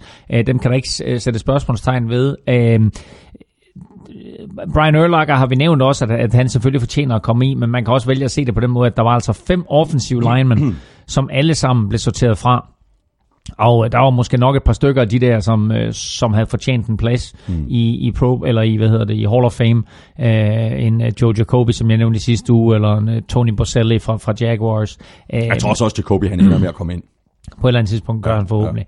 Ja. Øh, men, øh, men det blev altså øh, det blev altså to receiver, to linebackers og så Brian Dawkins, øh, og det, jeg synes, det er en, det er en flot øh, Hall of Fame-klasse. Det Det er her. det. Vi skal have quizzen! Oh. Det er tid til quiz, quiz, quiz, quiz, quiz. Du stillede mig et spørgsmål, Claus, og jeg har lige siddet og griftet et par navne ned, og jeg kan ikke Ja. engang huske spørgsmålet. Nej, det er stærkt. Ja, det er stærkt.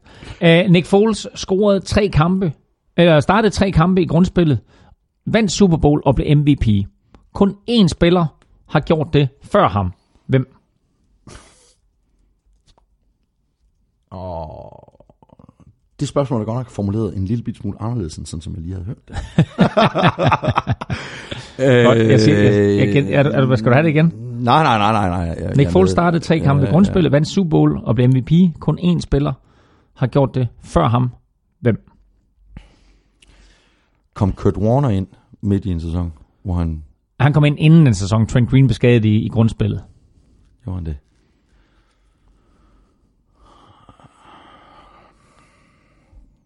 Ah, Trent Dilfer er det jo ikke. Can't do it. Hvis jeg siger The Quarter, hvad siger du så? Can't do it. The Quarter. Det siger mig ikke noget. Doug Williams fra Washington Redskins, som kastede fem touchdowns, eller førte sit hold til fem touchdowns i anden quarter i uh, Super Bowl-sejren over New York Giants. Kom han ind? Han kom ind uh, med to kampe tilbage af grundspillet, og uh, førte sit hold, eller ikke over New York Giants, men over øh, Denver Broncos ja, ja, ja. selvfølgelig. Um, Broncos var i Super Bowl der to år i træk. De var i Su- i Super Bowl i øh, Super Bowl 21 og i Super Bowl 22. Øh, De havde tabt til Giants. Året efter skulle de så møde Washington Redskins. Og øh, den her mørke quarterback, Doug Williams, som jo blev den første sorte quarterback til at starte en Super Bowl, mm. blev den første, første sorte quarterback til at vinde en Super Bowl, og blev jo også kåret til MVP efter en helt igennem fabelagtig præstation, mm. hvor han jo overskyggede det faktum, at Washington Redskins havde en running back, der hed Timmy Smith, som løb for 204 yards, og ikke blev kåret til MVP. Det blev altså Doug Williams. Så øh, han gjorde det, og øh, Jeff Hostetler kom også ind, startede to kampe i grundspillet for en skadet Phil Sims, tog sit hold hele vejen til Super Bowl, besejrede Buffalo Bills, men blev jo ikke kåret til, øh, til Super Bowl MVP. Det blev i stedet for Otis Anderson. Så langt så godt, øh, så er vi alle sammen blevet øh, klogere, Claus, øh, og nu øh, har du så øh, endnu en, en chance for at shine, fordi for et par uger siden, Ja, ja. der sad du og blæder dig, og det var ikke engang meningen, at du, men, men, men det gjorde du, det var, det var blæret, Ja. ja. du begyndte simpelthen at line, øh, line alle Super Bowls op, øh, Ja. ja. helt tilbage fra, fra etteren. Du nåede et godt stykke af vejen, men du blev ikke helt færdig, øh, men det har du også chancen for at gøre nu. Øh, hvem har vundet de seneste 15 Super Bowls, startende med Super Bowl 38, altså sæsonen 2003-2004. 38 Patriots over Panthers, 39 Patriots over Eagles, 40 øh, Steelers over Seahawks, 41 Colts over Bears, 42 Giants, øh, Patriots 18 og 1 sæson. Giants over Patriots. Øh, Super Bowl 43 Steelers over øh, Cardinals. Super Bowl 44 øh, Saints over Packers. Øh, Saints, Saints, over, Saints over Colts. Ja, ja. Super Bowl, var det 44? Ja. Super Bowl 45, Packers over Steelers, Super Bowl 46, øh, Giants igen over Patriots, Super Bowl 47, øh, Ravens over 49ers, Super Bowl 48, Seahawks over Broncos, Super Bowl 49, Patriots over Seahawks, Super Bowl 50, øh, Broncos over Panthers, Super Bowl 51, Patriots over øh, Falcons, og så i år Eagles over Patriots. Det er godt, og så skal vi have scorerne. Claus! Åh, kæft, hvor det bladet. Det skider jeg på, mand. Men uh, det er jo faktisk lige præcis uh, her, når vi når til det her punkt i Super Bowl-podcasten, at vi plejer at gå divisionerne igennem uh, og se på, hvordan det hele det så endte i forhold til, hvordan vi troede, at det ville gå uh, før sæsonen. Men vi har faktisk valgt at lave en uh, ekstra udsendelse, ikke i næste uge, fordi der er du på skiferie, Claus. Korrekt. Men i ugen efter. Øh, og grunden til, at vi gør det sådan her, det er, at øh, der er kommet en masse spørgsmål i løbet af sæsonen, som vi har skubbet til side. Der er også nogle af dem, vi har slettet. Øh, men i hvert fald en masse, som vi har sagt, dem, det, det kunne være interessant nok at svare på de her spørgsmål på et senere tidspunkt. Øh, så om to uger, der vil vi altså øh, samle op på nogle af de spørgsmål, gå divisionerne igennem, og samtidig kigge sådan lidt øh, frem mod 2018-sæsonen, free agency og, og draft. Øh, bare, øh, bare sådan lidt, lidt løsligt. Og så kan vi lige øh, slutte af med et, et, et spørgsmål øh, fra øh, Anders Møller, som så leder videre til vores udsendelse om to uger. Øh, han beder os simpelthen om at lave en top 5 over taffetips. Øh, Jeg tror faktisk, du har lavet din egen på Twitter på et tidspunkt, men det var før, at vi fik de nye koordinater. Ah, ja, så- ah, var det en helt top 5? Ja, jeg tror, det var en, Ah, okay, det var en ja. top 5. Ja, ja. Men vi kunne eventuelt gøre det til en ugens spillerkonkurrence om to uger. Altså, vi legner simpelthen nogle forskellige bud op, og så lader vi simpelthen øh, lytterne afgøre, Åh oh, ja, okay. hvilke tafelchips, Ja. der er de bedste. Ah, det er meget sejt. Det gør vi. Det og, så, gør vi. og så laver vi en top 5 over, over de her. Og så kunne vi måske også bearbejde en top 5 over halftime shows lidt bedre. Skal vi også skal vi, skal vi tage den igen? Vi, vi tager den igen. Så Okay. laver vi faktisk en ren top 5 med 5 halftime shows. Det er stærkt. Det er Ikke? stærkt. Altså den første ægte top 5 i NFL shows top 5 historie. Nå, men det gik bedre med stemmen, end jeg havde frygtet. Det gik da super godt. Ja, bare sådan. Nej, det gjorde det da. Altså, du, du, har, du, har, du har jo om- sådan en lækker, dyb radiostemme Ja, til det hver. Nu blev den bare sådan lidt hæs også. Tak for det, Emil. Det har været en, øh, en sand fornøjelse. Prøv at høre, jeg lige der er- byttet rundt på styk, to, to stykker papir undervejs. Det overlevede vi. Øhm, det vigtige, det var, at vi kom frem til resultatet i den sidste ende. øh, jeg har en historie, jeg er nødt til at fortælle, øh, som jeg egentlig øh, har ville fortælle i et par uger nu. Øhm, og det er øh, en historie, som viser meget godt, hvor god en coach Doc Peterson han er. Fordi øh, et, tager han selvfølgelig sit hold øh, til slutspillet. De vinder over Falcons, de vinder over Vikings, de vinder over Patriots i Super Bowl. Men inden de kommer så langt, der spiller de en kamp i Los Angeles hvor Carson Wentz bliver skadet. Og den kamp tænkte man, åh oh nej, det var det, der kostede Eagles den her sæson og muligheden for at vinde Super Bowl. Mm. Men nu skal du høre, hvad der foregik i forbindelse med øh, deres kamp i Los Angeles. Fordi ugen inden havde de spillet i Seattle. Og i stedet for så at flyve tilbage til Philadelphia, bruge en uge i Philadelphia, og så flyve tilbage ud til vestkysten, så bookede de sig ind på et resort i øh, Los Angeles-området. Og der legnede de alt op, som om, at det var en Super Bowl uge. Mm. De gennemgik alle de forskellige ting, der vil komme til at ske i en Super Bowl uge. Med pressemøder, træning andre steder, transport, mad, etc., etc., etc. Doc Peterson sagde simpelthen, vi forberedte os på, hvordan en Super Bowl uge kunne være. Mm. Så tre uger før grundspillet slutter, der går de ind og træner spillerne, men træner også alle trænerne. Træner hele organisationen til, hvordan er det at skulle være en uge væk fra, der hvor vi normalt er. Alle de omstændigheder, alle de yderomstændigheder, som vi ikke, som vi normalt styrer fuldstændig, ja, ja, som vi ikke kan påvirke her, hvordan får vi bedst muligt dem under kontrol i forbindelse med en Super Bowl uge. Det er altså stærkt, det der, ikke? At man går ind og bruger så meget tid på det tidspunkt i regular season, samtidig med, at man jo også skal forberede sig til at spille mod Rams. Og prøv at høre, de flyttede ikke kun spillerne. De boede på et øh, luksushotel i noget, der hedder Costa Mesa, som ligger tæt på Los Angeles. Mm. De flyttede hele holdet, inklusiv alt personale, en uge til Kalifornien på et luksusresort. Det er stærkt. Jeffrey Lurie, ejeren af Philadelphia Eagles, han har altså skrevet den helt store check ud. Og så kommer lige den sidste afsluttende historie her.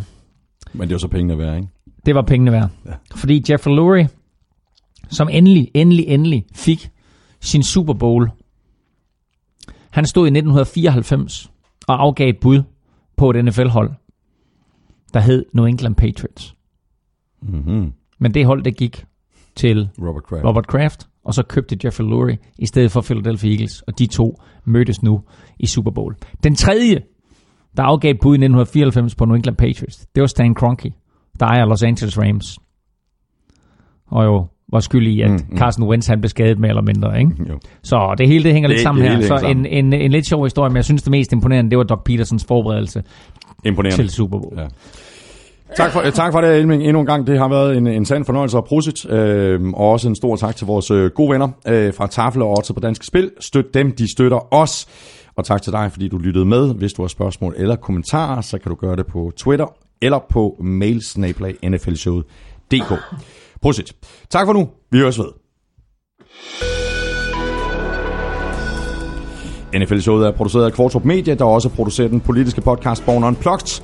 Derudover der har vi almindelig fodbold på hylderne med Daniel Siglau i de to podcasts Premier League Showet og Champions League Showet. Elming og jeg er tilbage igen om et øh, par ugers tid. Ha' det godt så længe. Hot hot.